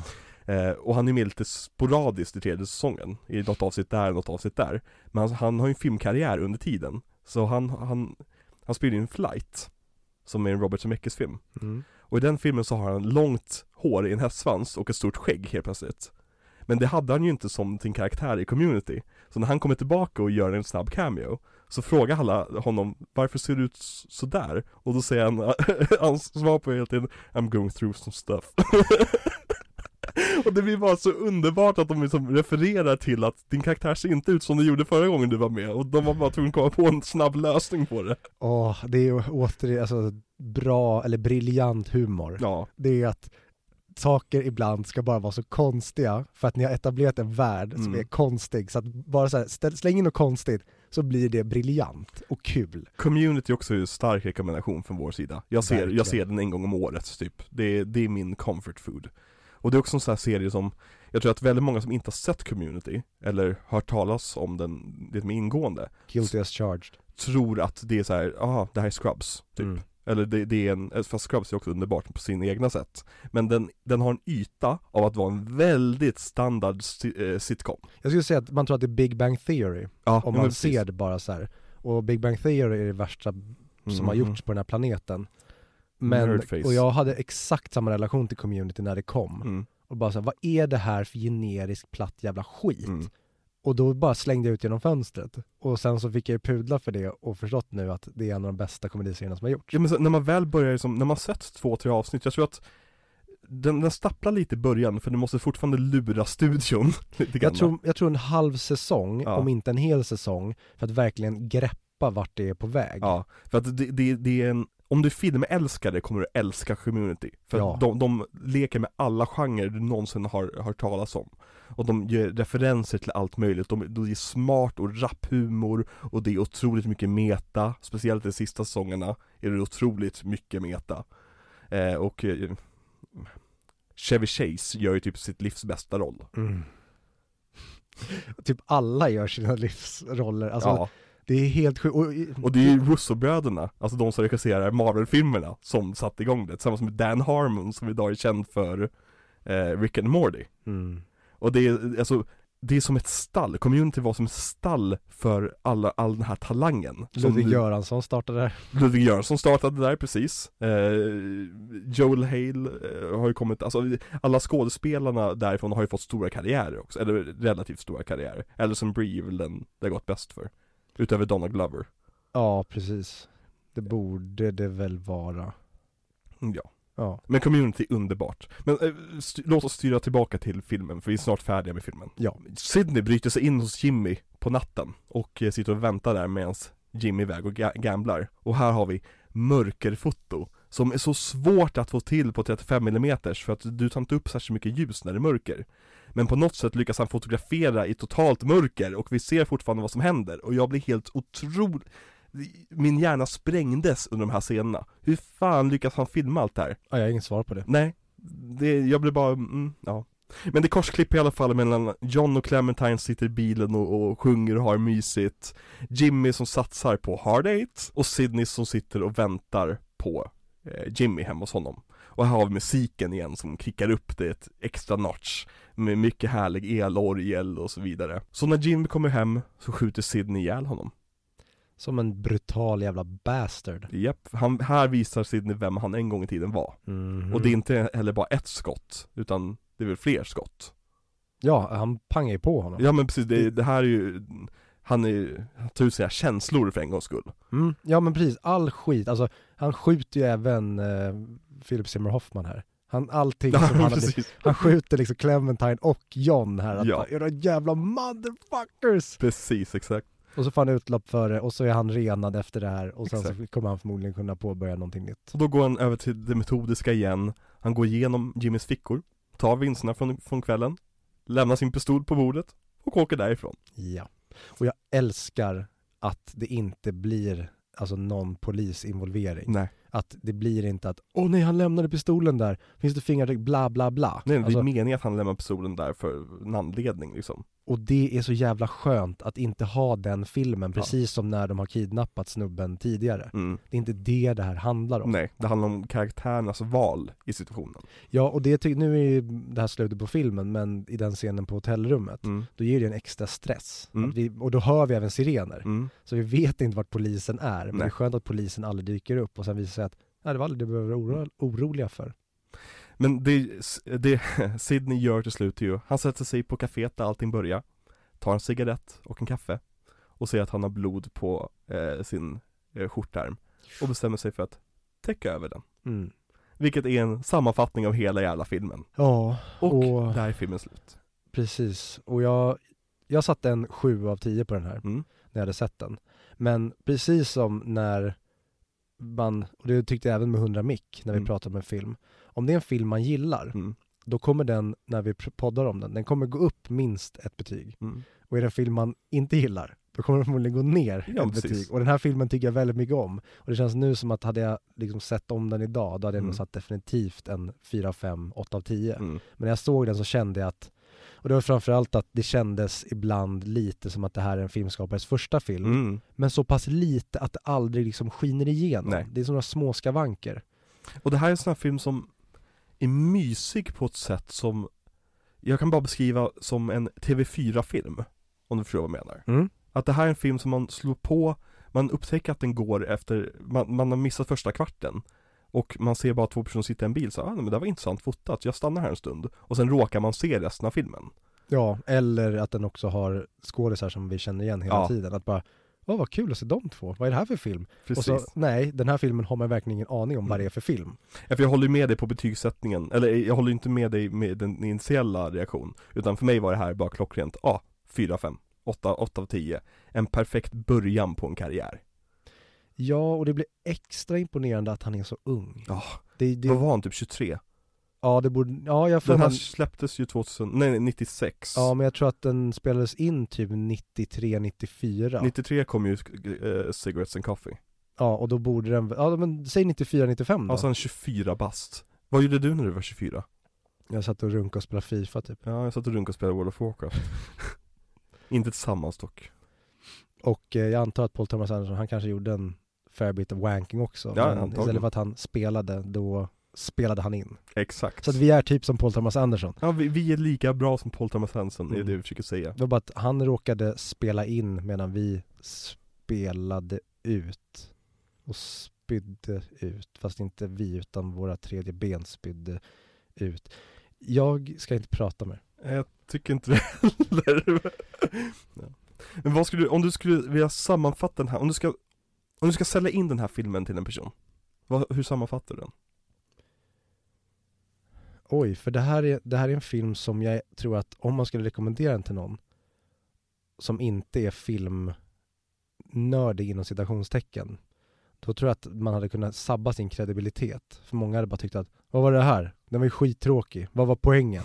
och då så här, jag kommer aldrig mer ta ett filmtips från dig. Mm. Men jag skulle bara vilja liksom säga att, vill du se en 25, 24-årig snubbe som sen visade sig vara en av de stora mästarna i hans första film med otroligt bra skådespelare i en film som jag vet fan inte hur jag skulle sälja in den här. Mm. Jag vet inte heller. Skitsvårt. Jag satt ju sagt och funderade under hela filmen så här, vad är det här för film? Ja, det är en noir-film, det är en gamblingfilm, det är en heist-film. Jag skulle Nej, alltså jag tror det enda sättet man kan sälja in den här är egentligen att nämna regissören. Ja, och jag tänker så här, vad, vad skulle man kunna, om man skulle tweaka det här in i ett universum? Mm. Jag tycker det känns mycket, det, det hade varit coolt att se det här i en, ta en, bara om jag pratar mycket Marvel, men ta det här som Marvel-kontext. Mm. Om det finns en karaktär som är liksom The Silent Watcher, Ja, som tar, tar liksom en, en gammal Batman. Ja men tar, exakt, jo men det är ju det det handlar om. ja, och liksom det, det är Robin och Batgirl som han fostrar här. Mm. Ehm, Eller typ Jokerns son, ja, precis. Och det är väl något sånt jag känner att, ja men om du vill bara se vad säger man, den här, den här fina relationen hur en äldre man Mm. fostrar en yngre person. Ja precis, en otroligt, jag gillar filmer där folk är kompetenta. Och den här Mm. filmen är ju han kompetent. Ja, Förutom en eller två scener när han eh, låter sin mask slippa. Ja och det, är en, det hade inte funkat om han hade varit perfekt och kompetent i den här filmen, utan det är så fantastiskt att han är fulla brister. Ja, definitivt. Och det är en film full av brister också på många sätt. Men Mm. där bristerna inte spelar någon särskilt stor roll. På grund av de otroligt höga topparna. Ja. Men, ehm, ja, jag sätter 7 av 10 på den för att det var det jag satte på den när jag såg den. Mm. Och det kanske blir en, det blir nog definitivt en 8 av 10 om jag skulle se om den. Ja. Men, eh, ja, alltså vad ska man säga? Det, det går inte så att jämföra det här med Dirk Diggler story eller med eh, Cigarettes and Coffee. Nej. Men det, det syns i alla de här tre verken som han hittills har gjort med Hard Eight vilken otroligt kompetent ung man det här är. Ja. Och jag kan verkligen rekommendera att kolla på intervjuer, fram- framförallt med den unga Paul Thomas Mm. Anderson. Alltså se att det, det finns inte en regissör så långt ögat kan nå när man bara ser honom sitta och, alltså, det är en random biobesökare som sitter och pratar för att han älskar film. Mm. Och så råkar han bara vara grym på att ha den här gamla gubben i honom som vet hur man ska få alla sina vi- visioner och göra en superkompetent produkt Ja. av det. Men det märks inte alls i hur han snackar, han känns som the average dude. Ja men, och jag tycker man ser så tydligt spåren av vad som komma skall med Paul Thomas Anderson i den här. Verkligen. Men en sak som jag tänker, som jag alltid tänker på när jag tänker på hans kommande filmer, det är hur jävla cleana de är. Och det är egentligen skillnaden mot den här filmen. Den här fil- filmen är fortfarande lite smutsig. Men hade det här varit en annan regissör, hade det här varit Michael Bay, så hade det varit Michael Bays bästa film. Men i och med att det är Paul Thomas Anderson så är det nog kanske eventuellt hans sämsta film. Definitivt, och det är ju verkligen en kvalitetsstämpel om något. Ja. Men nu har vi poddat om det här rätt länge nu. Ska vi börja runda av avsnittet? Har, eller har du någonting mer du vill tillägga? Nej, jag tycker vi egentligen, om det är någonting vi kommer på, då tar vi det nästa vecka Ja. i upptakten av Boogie Nights, för det blir ju mellanakten mellan de här filmerna helt enkelt. Precis, exakt. Så nä- nästa vecka sagt kommer vi prata om Boogie Nights och vi kommer prata om, om vad som hände, det, nu hände inte så jättemycket mellan de här två filmerna men egentligen vart Paul Thomas Anderson historien fortsätter helt enkelt. Precis, Mm. det ehm, blir säkert eh, precis lika många sidospår. Det känns som vi har pratat i 20 minuter om Hard Eight i det här avsnittet och eh, i två timmar och tio minuter om, Om Stockholm. allt annat. Ja, precis. Stockholmshatet. ja. ja. Men ni kan ju alltid skriva till oss på audiovideoklubben at gmail.com ifall ni har åsikter om det vi har sagt eller om ni vill ställa en fråga till oss. Vi håller på att samla in frågor för en eventuell frågepodd i framtiden. Eh, I och med att vi sp- spelar in allt det här rätt mycket längre fram i tiden så har vi vi, vi, vi är oftast inte särskilt ajour när det kommer till eh, folk som skrivit till oss och så vidare.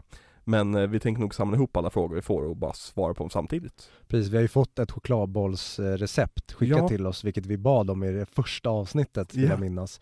Eh, och vi har inte ens hunnit eh, göra dem än, men det kommer i ett avsnitt en recension av, dem, av det receptet. Ja, så länge vi fortfarande kommer ihåg att vi ska göra det. Vi har, vi har det på tapeten att göra så att säga Precis, och nu, eh, vi vill ju göra en liten push för våran Patreon-sida. Mm. Ehm, och där har vi ju nu kommit överens om målet att om vi nu mirakulöst skulle nå upp till 50 Patreons, då tar du och jag våra slantar och så drar vi till London och kollar på Harry Potter och den förgrymmade ungen och sen så Ja. gör vi en eh, nästan blir som en roadpodd för Ja. då kommer vi ta med mickarna och spela in content där, Ja, ja Spela in på recensera. planet kanske För vet, på tal om förgrymmade ungen Har du sett att Broadway-skådisen som spelar Harry Potter har blivit sparkad? för att Vad, vad tror du? Vad blir skådisar sparkade för nu för tiden? Nej, han, han, hade betett sig inappropriate on, on set Aj då. Ja. Då tycker jag att manusförfattaren till The Cursed Child borde få sparken för den har betett sig inappropriate. Mm.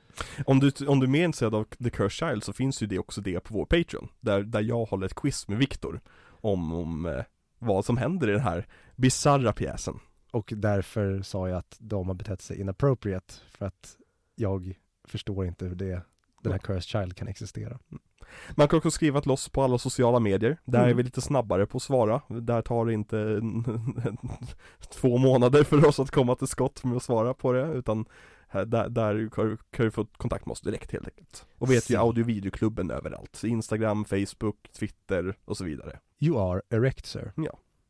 Så eh, då hörs vi nästa vecka helt enkelt där vi ska prata om, åh, Boogie Nights. Boogie Nights, en av de bästa filmerna som någonsin gjorts Spoiler alert! Oj, oj, oj. Oj oj oj Hej då. Hejdå! Det